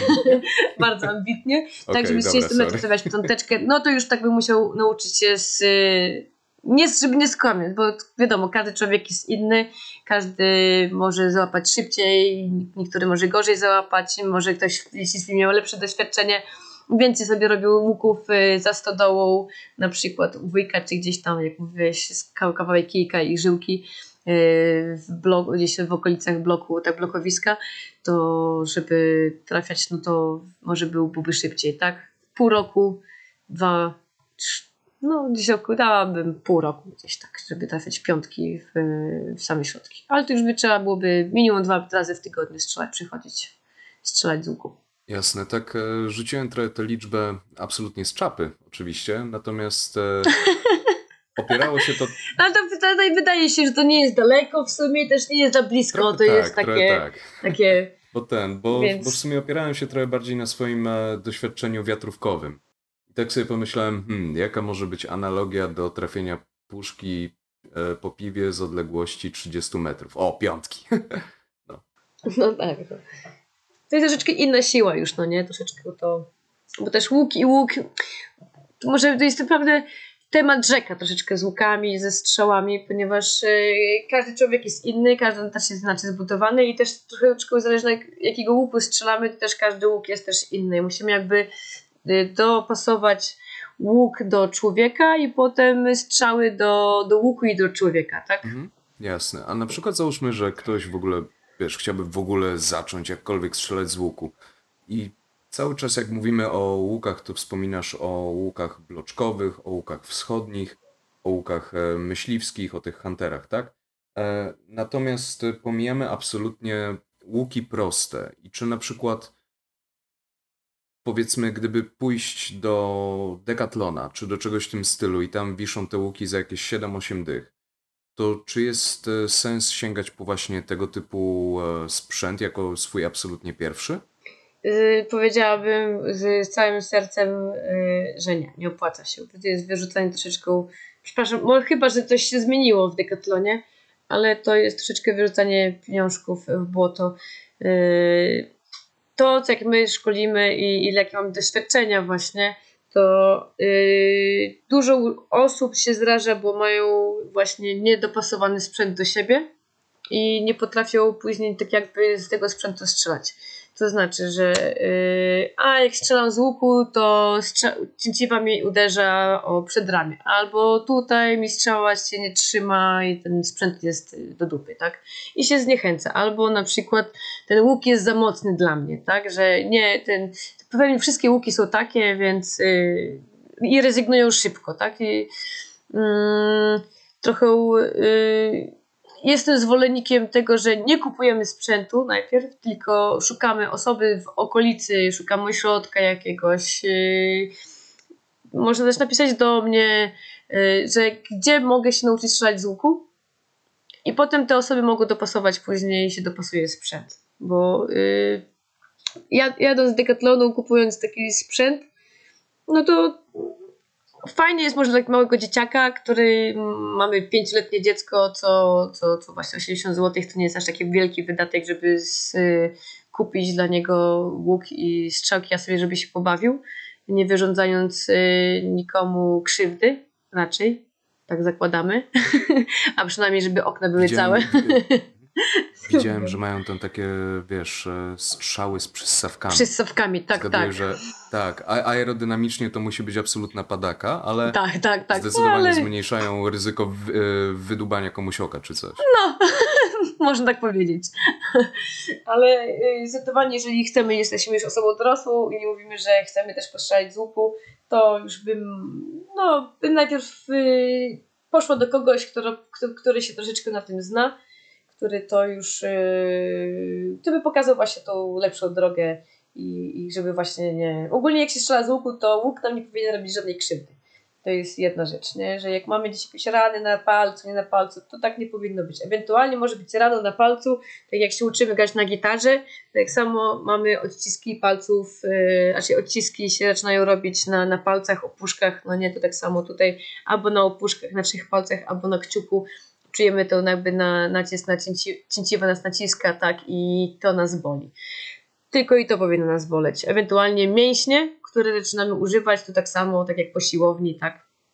Czasami jest tak właśnie, że nie używamy niektórych partii mięśni, zaczynają nas boleć, mamy, mamy zakwasy, to, to, to, to, to, to jedyny właśnie ból, jaki może nam sprawić łucznictwo. A tak to nie powinno. Nie powinno cięciwo uderzać nas na przedramię, jeżeli uderzy nas, mówię o łukach wschodnich oczywiście, no i tak wydaje mi się, że też i innych łukach tak samo nie powinno robić żadnej krzywdy. Yy, mogę się mylić, ale przy wschodnich na pewno nie, nie powinno to robić żadnej, żadnej krzywdy nam, nie powinniśmy mieć żadnych siniaków. Zdecydowanie. Okej, okay, czyli załóżmy, że na przykład e, znaleźlibyśmy jakąś e, strzelnicę łuczniczą, na której byłaby możliwość, żeby pogadać z kimś, nie wiem, strzelić z jego łuku, strzelić z jeszcze kogoś innego łuku. I wtedy załóżmy, że doszlibyśmy do wniosku, tak, myślę, że to jest hobby, w który chciałbym iść dalej, kupię sobie łuk, kupię sobie strzały. I jakie mniej więcej koszty są właśnie tego typu sprzętu dla początkujących, który nie porani, e, nie rozpadnie się jakoś od razu, ale też, żeby nie wydawać na to milionów monet? Więc yy, Najgorszym właśnie jakim zakupem to jest, są strzały. Łuk, mamy łuk, możemy sobie dokupić, ale strzały są straszne, bo ogólnie one się gubią na początku, psują się częściej i tak dalej, więc trzeba to wziąć pod uwagę oczywiście. Mm, tak, żeby było, sprawiało nam przyjemność, tak, i żeby mm, mówiąc o ucznictwie pieszym, czy tam konnym, tak, żeby to nam sprawiało przyjemność i żeby właśnie fortuny nie wydać na to, bo nie wiemy tak naprawdę, czy, czy będziemy to uprawiać, to łucznictwo tak, czy łucznictwo konne, czy nie, to podstawowy sprzęt to na przykład to jest Snake. Yy, zawsze polecam, bo yy, jeżeli chcemy sobie kupić, mamy dzieci, dzieciaki na pewno będą chciały też spróbować strzelić, więc to jest taki bezpieczny łuk, że może też i użyć to dziecko i postrzelać nie wyrządzi tego krzywdy, a tobie też nie wyrządzi żadnej krzywdy i nie żal tych pieniędzy, to 200 zł koszt łuku, no plus strzały, yy, ale strzał to temat rzeka tak samo, ale można kupić takie na podstawowej, yy, podstawowej jakby ceny, to podejrzewam, że za 15 zł może by się udało kupić gdzieś strzały na przykład drewniane ze strzał oczywiście, nie? Yy, mówimy o sztuce. Jakiś kołczan, tak? 40 zł. Mówimy o pieszym, tak? O łucznictwie konnym to już troszeczkę ten kołczan jest, musi być specjalny już do łucznictwa konnego, yy, żeby właśnie nam nie powodował, że on będzie latał wszędzie, że ten kołczan będzie wyciągiem jedno strzały, a ten kołczan będzie nam yy, fruwał wszędzie i potem będziemy łapać ten kolejną strzałę. Jednak to musi być wszystko przylegające do nas. I żeby nie wystraszyć też konia, jeżeli koń jest przyzwyczajony do, do czegokolwiek latającego, dziwnego, brzęczącego obok, nie? żeby też go nie zrazić do, do ucznictwa konnego. Także podejrzewam, że można byłoby się zamknąć tam w 400 zł, tak. Żeby mieć jakiś sprzęt w miarę ok, tak, i tam te cztery strzałki czy pięć. Okej, okej. A w takim razie do wszystkich rodziców, e, którzy nas obecnie słuchają, jeśli twoje dziecko będzie chciało zacząć grać na gitarze, kup mu łuk, lepiej na tym wyjdziesz finansowo. Może tak. Może tak. Ten, a jeśli na przykład chodzi właśnie o te bardziej bolesne kwestie związane z łucznictwem, to jakich kontuzji można byłoby się najłatwiej nabawić przy strzelaniu z łuku i pieszym, i konnym? Przede wszystkim przy ucznictwie mm, można dostać bardzo szybko urazu barku, bo niestety mamy obciążenie trochę na bark mocny i już ja przechodziłam przez kontuzję barku yy, dłuższą ścieżką, nawet nie wiedziałam, że można takie coś, yy, że bo bark nie boli od tego, że strzelam z łuku, ale tak, e, podczas jak źle naciągamy, jak nie ćwiczymy, nie dbamy o siebie, nie, jakby nie wspomagamy obu stron naszego ciała, to potem możemy właśnie albo nie nieodpowiedni sposób naciągamy łuk, bo mm, na przykład używamy tylko jakby bicepsu, a to właśnie jest yy, właśnie droga do kontuzji, można powiedzieć. Yy, I, no i przede wszystkim, przede wszystkim to są urazy barku. Yy, przy strzaniu z łuku. Bark jednak dostaje, bo mocno obciążony przy tym. I tak jak mówisz właśnie, że strzelanie z bicepsu to jest proszenie się o kontuzję, to, to czy w takim razie to znaczy, że bardziej prawidłowa technika zakładania strzelanie z barku, wykorzystywanie mięśni pleców? Tak, zdecydowanie musimy bardziej używać mięśni pleców i, i tak właśnie rozkładanie ćwiczeń na prawo, na lewą stronę, żeby ten bark yy, no, jest dużo łuczników ma. Łucznika y, można poznać po tym, że jak zdejmie koszulkę, to ma bardzo mocno rozbudowaną y, mięśnie pleców z prawej strony, a lewa jest taka bardziej płaska, prawda? Y, więc y, tak trzeba ustawić ćwiczenia, żeby y, jakby treningi, żeby jedna i druga strona jakby naszego ciała również pracowała podobny sposób. Ciężko to jest oczywiście, bo jak strzelamy na przykład 150 strzałów tak, na, na jedną stronę, to trzeba jakoś e, to wypośrodkować na drugą stronę, więc często łucznicy na przykład po wystrzeleniu serii 12 strzał zaczyna naciągać, idąc po strzały zaczyna naciągać łuk, tylko i wyłącznie naciąga łuk e, na drugą stronę, żeby właśnie te mięśnie jakby zachować w równowadze częściowo, więc albo na ćwiczenia na siłowni, czy ćwiczenia w domu korygujące, jak najbardziej są wskazane do tego, żeby mieć zdrowy bark. Barki, o tak. Mhm.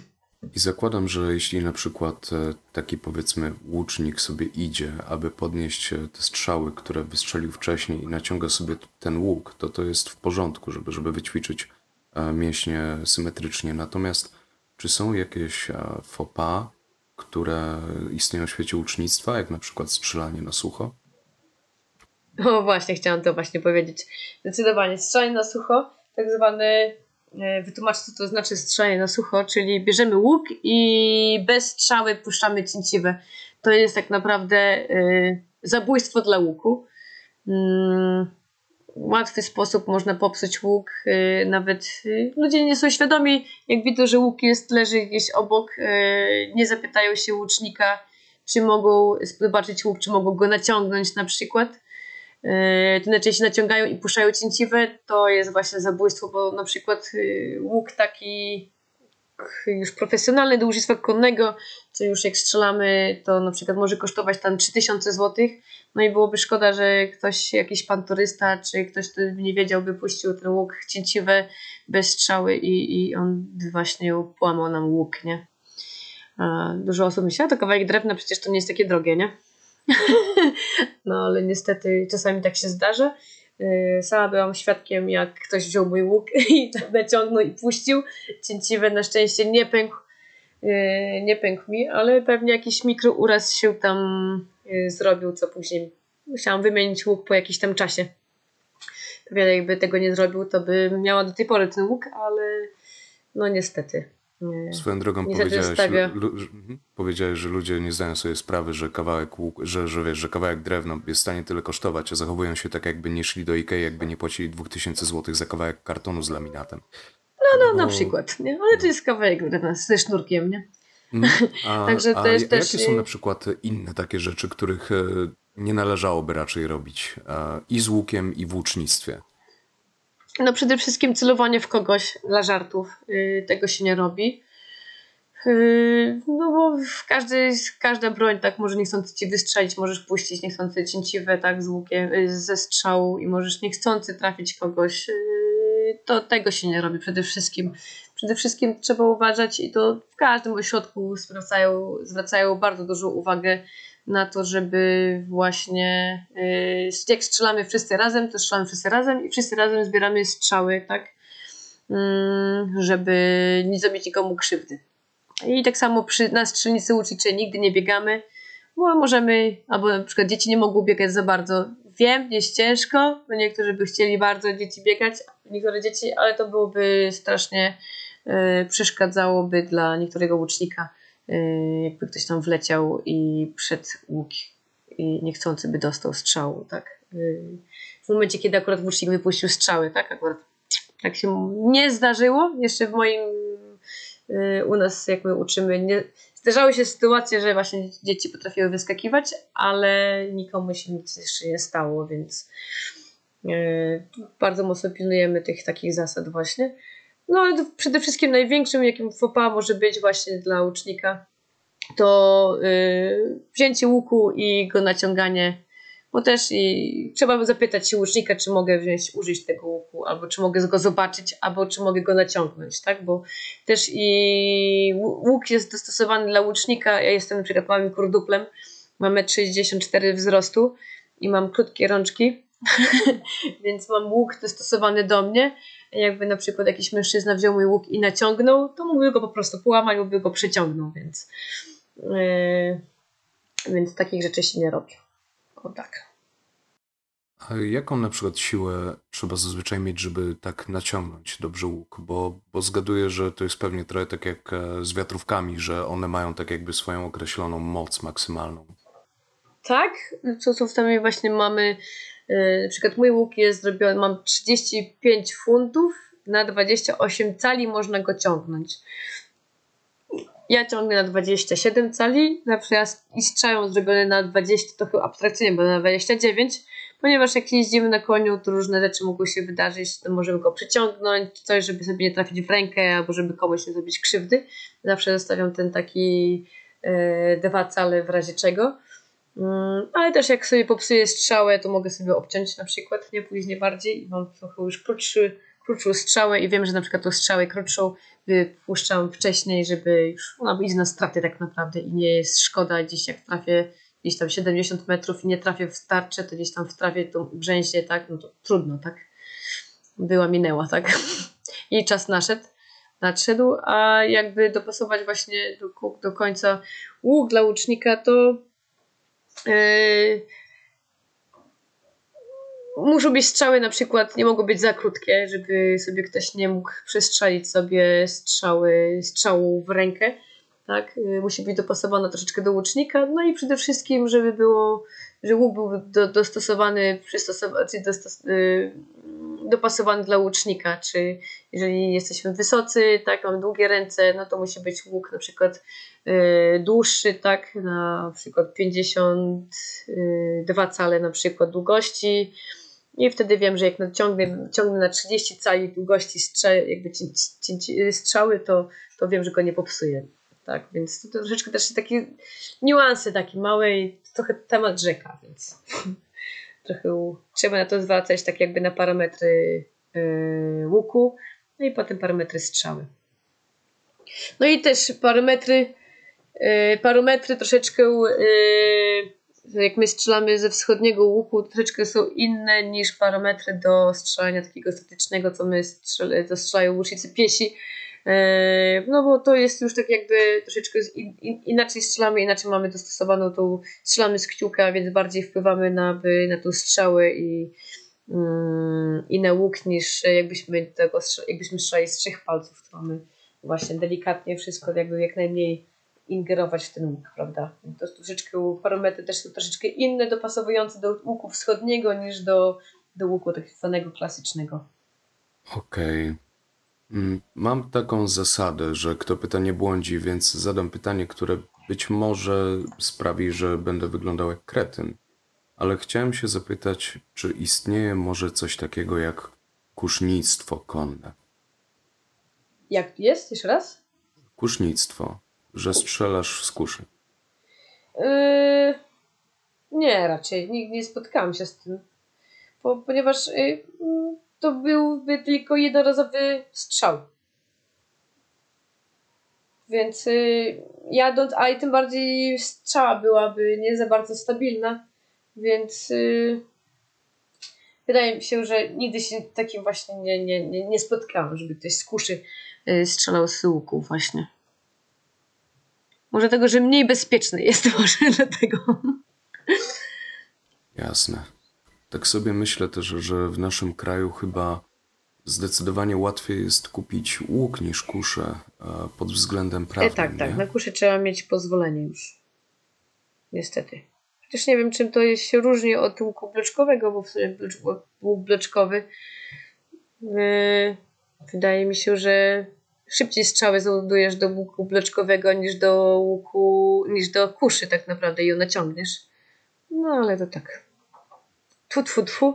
Mam nadzieję, że się nie przyczepią nikt, żeby mieć pozwolenie właśnie na bo to byłaby głupota totalnie już. Dobra.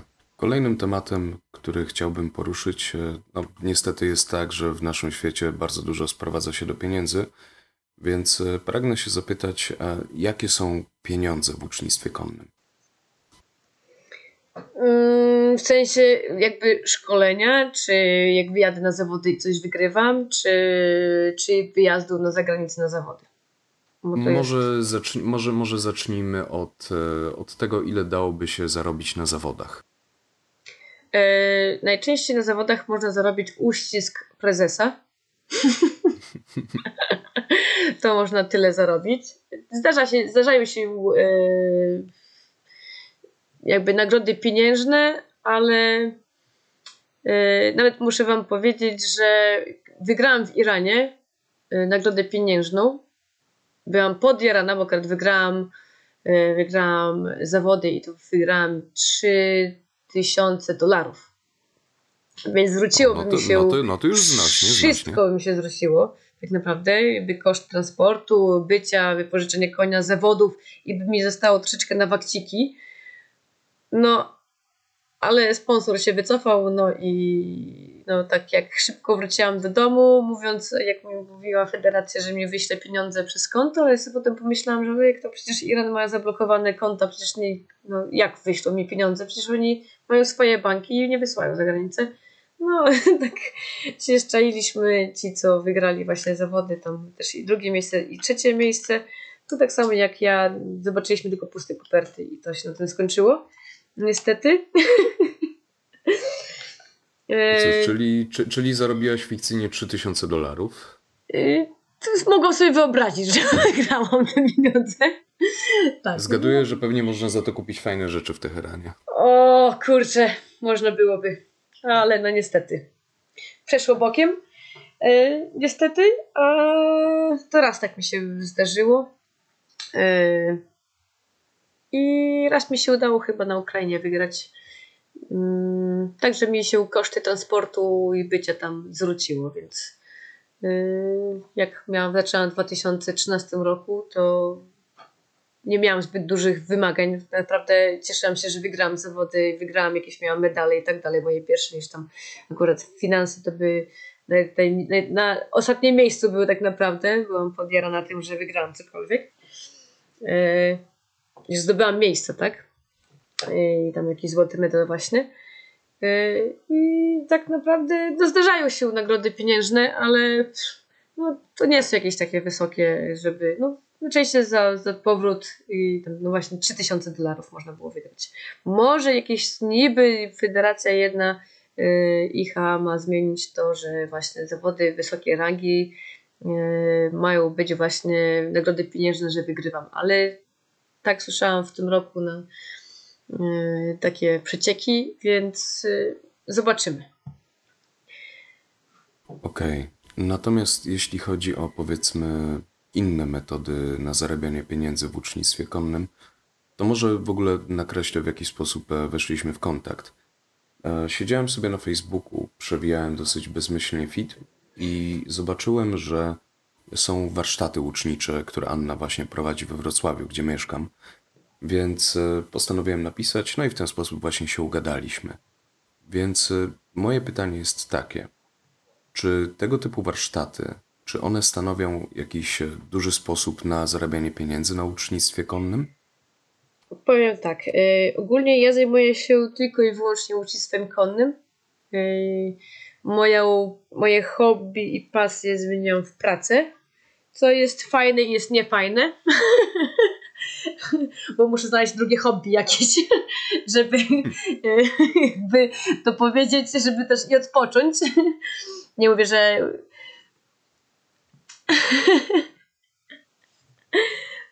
Także przyjemność się troszeczkę, trochę właśnie, ja troszeczkę zaczęłam grać w tenisa, może jakiś tam ten, ale jakieś wyjście do lasu i tak dalej. Zdecydowanie znalazłam, jestem osobą aktywną, więc znalazłam sobie, mam dużo innych hobby również. No ale z, głównych, z głównego hobby przekształciło się jakby w pracę, co jest fajnie, bo cały czas jestem jakby... Hmm, niby pracuję, ale nie pracuję, można tak powiedzieć. E, zajmuję się tym, co lubię, e, czyli łucznictwem konnym. Jestem przy koniach najczęściej, najczęściej, tak? A właśnie we Wrocławiu prowadziliśmy szkolenie łucznictwa wschodniego w centrum łuczniczym, gdzie właśnie we Wrocławiu można tak się nauczyć strzelać z łuku. Wschodnim może słabiej, bo chłopacy bardziej uczą właśnie z trzech palców, tym stylem klasycznym. Także zapraszam y, serdecznie y, do Wrocławia. Y, I, I tak stało to się moim jakby źródłem utrzymania, czyli prowadzę szkolenia łucicze z ziemi, łucictwa konnego, prowadzę również zajęcia jeździeckie. Mm, no i przede wszystkim łucictwo konne uczę i szkole w Polsce i za granicą. Także to stało się moim jakby źródłem dochodu głównym. E, no i również i robię pokazy łucznictwa konnego na różnych imprezach, czy to jest Skałkowo Masters, czy Sopot CSIO na 5 gwiazdek, dość wysoka, prestiżowa impreza jeździecka, czy na przykład teraz mamy Kawaliada Tour, również można było mnie zobaczyć na tych imprezach z łucznictwem konnym, jeszcze to było przed pandemią. E, także jak ktoś jeszcze nie wie, co to znaczy Kawaliada Tour, to zapraszam. E, to jest jedna z największych imprez jeździeckich właśnie. I może tam poznać bardzo dużo właśnie różnych dyscyplin jeździeckich, tak jak w Poznaniu właśnie się zakończyło Y, kawaliada y, w Poznaniu, no, rozumiem gdzie można było bardzo dużo niestety. zobaczyć y, ja właśnie różnych odskoczni jeździectwo. Tak, czy to jest właśnie no, World Equitation, czy to jest zabawa z kucykami, czy na przykład agility, bo wiedziałam, że były te skucy, można było nauczyć, uczą konie w sumie tak jak psy agility różnych przeszkód, nie dotykając konia, pokazując palcem, co koń ma robić, więc takie duże pieski, tak można powiedzieć. Także y, tak, to stało się moim głównym źródłem utrzymania. no teraz tak jak mówiąc, yy, zarobkowo. Czy jest się z tego, czy można się z tego utrzymać? W chwili obecnej tak. Wcześniej yy, nie. jak zaczynaliśmy, to było bardzo ciężko. Nie ukrywam. Musiałam y, coś innego jeszcze wymyślić, czy, czy układać innym konie, czy, czy, czy, czy, czy, czy, czy jeździć, y, robić właśnie Hmm, na przykład rozkładać ulotki gdzieś po klatkach, czy rozdawać gdzieś na ulicy. Tak, y, też to robiłam. Y, żadna, uważam, że żadna praca nie hańbi, więc jak się chce spełniać swoje marzenia, to można zrobić wszystko, żeby to zrobić. Okej, okay, w sumie to przypomniało mi się, w czwartym odcinku tego podcastu gościłem e, Kubę Rutkę. On jest e, między innymi profesjonalnym lektorem telewizyjnym. Ma też swój kanał na YouTubie, tam na Instagramie, na TikToku działa i tak dalej. I rozmawialiśmy o czymś, co nazwaliśmy wtedy wypaleniem zawodowym influencera. Że wiesz, że najpierw robi się coś z zajawki, że jest to twoja pasja, że wszystko jest spoko i tak dalej, ale z pewnym czasem staje się to powiedzmy twoim obowiązkiem po prostu. Kuba powiedział, że kota można zagłaskać na śmierć. I w sumie w związku z tym Chciałem się zapytać, w jaki sposób radzisz sobie z tym, że Twoja pasja stała się Twoją pracą? No oczywiście jest. Właśnie dobrze trafione, że jest wypalenie zawodowe zdarza się we wszystkich dziedzinach, czy to też jest yy, ogólnie ja zawsze, czemu ja wybrałam jeździectwo, yy, może to zabrzmi yy, słabo, może nie, może ktoś powie, że jestem nienormalna, ale no, trudno. Yy, zaczęłam jeździć dlatego, że no, tak, może jestem trochę inter, inwer, introwertykiem. Eee, także, że stala od ludzi troszeczkę i tak dalej, no ale to, moje życie się potoczyło w drugą stronę i dużo teraz przebywam z ludźmi właśnie. Eee, I ale jednak te konie wyciszają i jednak pomagają, żeby dalej funkcjonować w porządku, w sensie takim, żeby te wypalenie było e, zawodowe w sensie takim y, znaleźć równowagę pomiędzy jednym, tak, żeby ograniczać, że no okej, okay, jest zbyt dużo ludzi, to też nie jest zbyt dobrze, tak, y, wiadomo, znaczy z tego co zauważyłam, dużo osób tak ma, czy to ktoś na przykład by chciał zjeść sobie coś spokojnie w restauracji, tak, no to by chciał to zjeść spokojnie coś w restauracji, a, a nie tak, żeby ludzie na niego patrzyli, palcem pokazywali na przykład, to to jest najgorsze chyba, co może się spotkać, chyba, że nie podejść i nie przywitać się, tylko e, to, to, to ona, bo to, to on, no nie, że, że ty i lepiej się przywitać mi się wydaje niż, niż tak jak wy, wytykanie palcami, bo nie wiesz czy jesteś brudny czy nie, czy, czy cokolwiek tam zostało ci na plecach na przykład, nie wiesz czy na przykład twój kolega, który jest zabawny coś ci przykleił na przykład, nie?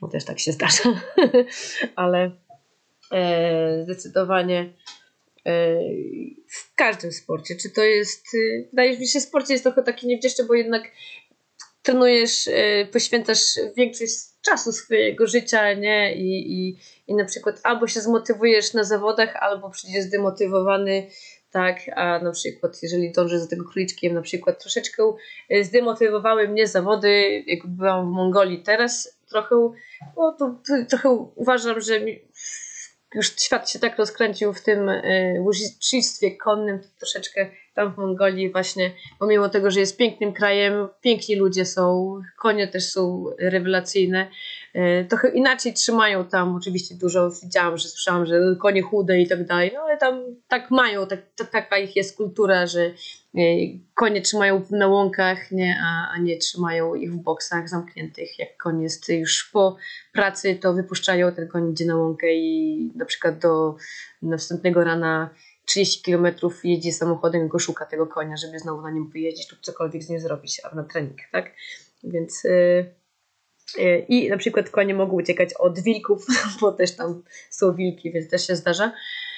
Yy, I, i, I na przykład jak idziesz na zawody, to wydaje się, że powinno być na tip-top zrobione, no, są takie dużo niedociągnięć nie, nie i myślisz, czy to jest w ogóle sens cokolwiek to rozwijać dalej, czy to nie ma sensu, bo widzisz, przyjeżdżasz na takie zawody na Mistrzostwa Świata i one są no, słabo, słabo zorganizowane i no, 10 lat wstecz, tak jak zaczynaliśmy, że każdy nie wiedział, co ma co robić, tak, to, to, bo to wydawało nam się, że to już mamy za sobą i już mniej więcej tak nie będziemy, ale jednak niestety to też i wypala troszeczkę, jest takie wypalenie, że kurczę, po co to dalej ciągnąć, no ale jak wracasz już później, widzisz te swoje mordki i myślisz, kurczę, dobra, jedzie, siada na konia, dalej jadę, nie?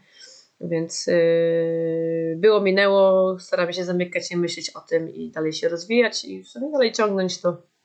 To nie jest łatwe, bo yy, no, trzeba znaleźć to swoją drogę jakoś jeszcze.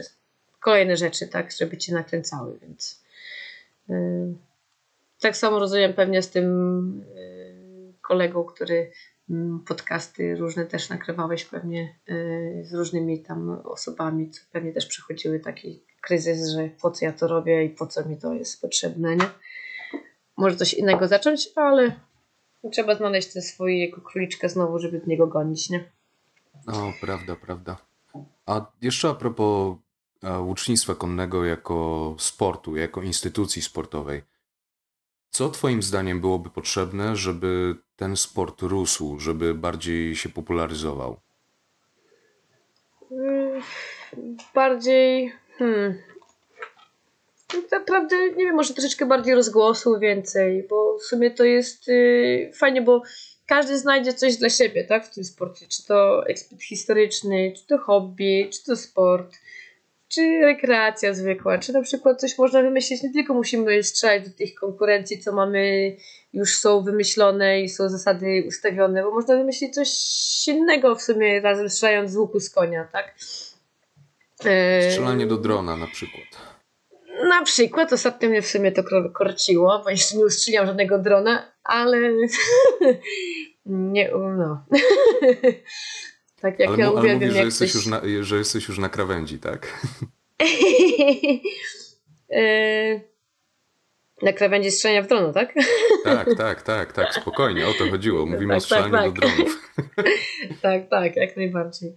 E, zdecydowanie. Mm, więc y, każdy może coś znaleźć. Żeby to bardziej rozwinąć, to może właśnie więcej rozgłosów w innych stajniach. Y, I tak się cieszę, że inne stajnie też to zaczynają robić, y, strzelać z łuku z konia, tak? Więc to też jest jakieś coś nowego. Mnie, ja, ja to się bardzo cieszę nawet, jeżeli ktoś chce, żeby to było właśnie uczestwo konne i nie wie jak, to może się do mnie odezwać, pomożemy również, tak? Bo dążymy do tego, żeby właśnie nie trzymać tych klientów, tak, czy, czy kogoś, żeby to było tylko i wyłącznie nasze i tak dalej. Nie, nie. Chcemy to rozwijać. Zależy nam tak też i powołaliśmy po to fundację, żeby właśnie pomagać też i osobom, które nie mają pieniędzy właśnie, żeby, bo wiadomo, że jeździectwo to jest, każdy myśli, że to jest strasznie drogi sport.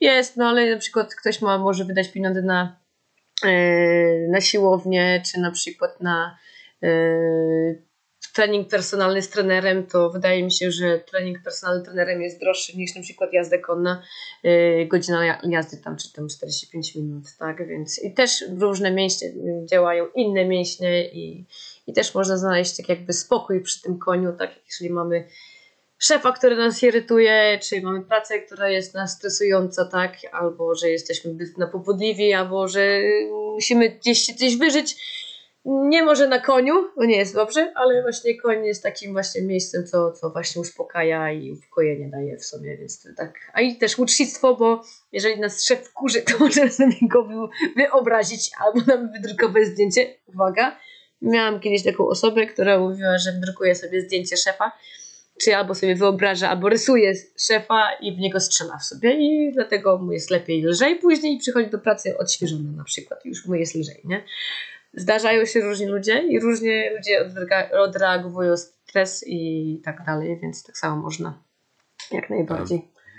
Widziałem właśnie ostatni obrazek na internecie, jak ktoś e, miał styropianowy, e, styropianowe popiersie na swoim biurku, e, na, na swojej szafce i mhm. miał projektor w pokoju i mówił, że za każdym razem jak musi się rozładować, to gasi światło w swoim pokoju, włącza ten projektor, tak żeby twarz Justina Timberlake'a padała akurat dokładnie na, na to popiersie i, i wyzywa go od najgorszych.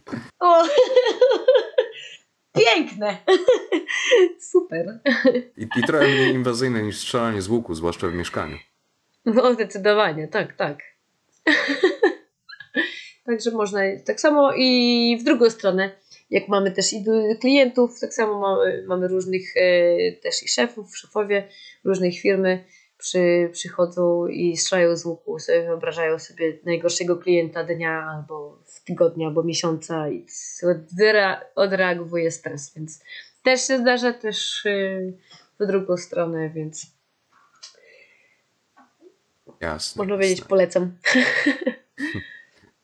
Ten, um, a na przykład e, gdyby załóżmy ktoś chciał zorganizować e, szkolenie, żebyś ty poprowadziła, to jakiego mniej więcej rodzaju to są koszty? Yy, hmm. Zaczynamy kwestię numerków i finansów, to bardziej mój kolega jest od tego niż ja, bo ogólnie jestem blondynką i zawsze mylę się w tych cyferkach, ale ogólnie jak prowadzimy szkolenie, E, to koszt e, weekendowego szkolenia jednodniowe, jednodniowe albo dzienne to jest e, w okolicach 350-450 zł w zależności ile jest osób i jak daleko jest od nas, prawda? Bo my jesteśmy w Białegostoku, więc jeżeli mamy jechać gdzieś ileś tam kilometrów na drugi koniec Polski, to wiadomo, troszeczkę te koszty wzrastają. Yy, bo musimy zabrać nasz sprzęt, tak, wiadomo, maty, nie maty i tak dalej, więc jeżeli ktoś ma w okolicy ośrodek łuczniczy i by bardzo by chciał, to jak najbardziej możemy to załatwić, bo nie musimy zbierać yy, na przykład mat łuczniczych, tak na przykład jak do Centrum yy, Łucznictwa w we Wrocławiu, tam jest już jakby infrastruktura jest już przygotowana, tylko my zabieramy łuki i strzały, kołczany i, i w sumie zaczynamy zajęcia i jest troszeczkę jakby taniej, prawda? Mm. No, już cena na przykład z łucznictwem konnym troszeczkę wyższa, bo dochodzi do tego jakby kolejny sprzęt niezbędny do tego. Sprzęt, nie sprzęt, bo źle to nazwałam, brzydko nazwałam, y, jakim jest koń, czyli nasz y, kolega, do, który nam pomoże przy galopowaniu, tak? ściąga, y, wożeniu nas. Mm, I to też nie musi być wcale ustawiony tor i że koniecznie potrzebny jest jakikolwiek tor, żeby zacząć uczestnictwo konne. Tak naprawdę nie musi być. Y, wystarczy ujeżdżalnia, może być nawet i lążownik, jakieś miejsce, gdzie, gdzie można, gdzie koń sobie może przyjść galopikiem, kusem czy stępem i sobie postrzelać, więc yy, jak najbardziej, prostu można to wszędzie zrobić, to ucznictwo konne w każdym miejscu. O tak. Zgaduję, że, że, że ucznictwo piesze jest jeszcze łatwiejsze do zorganizowania.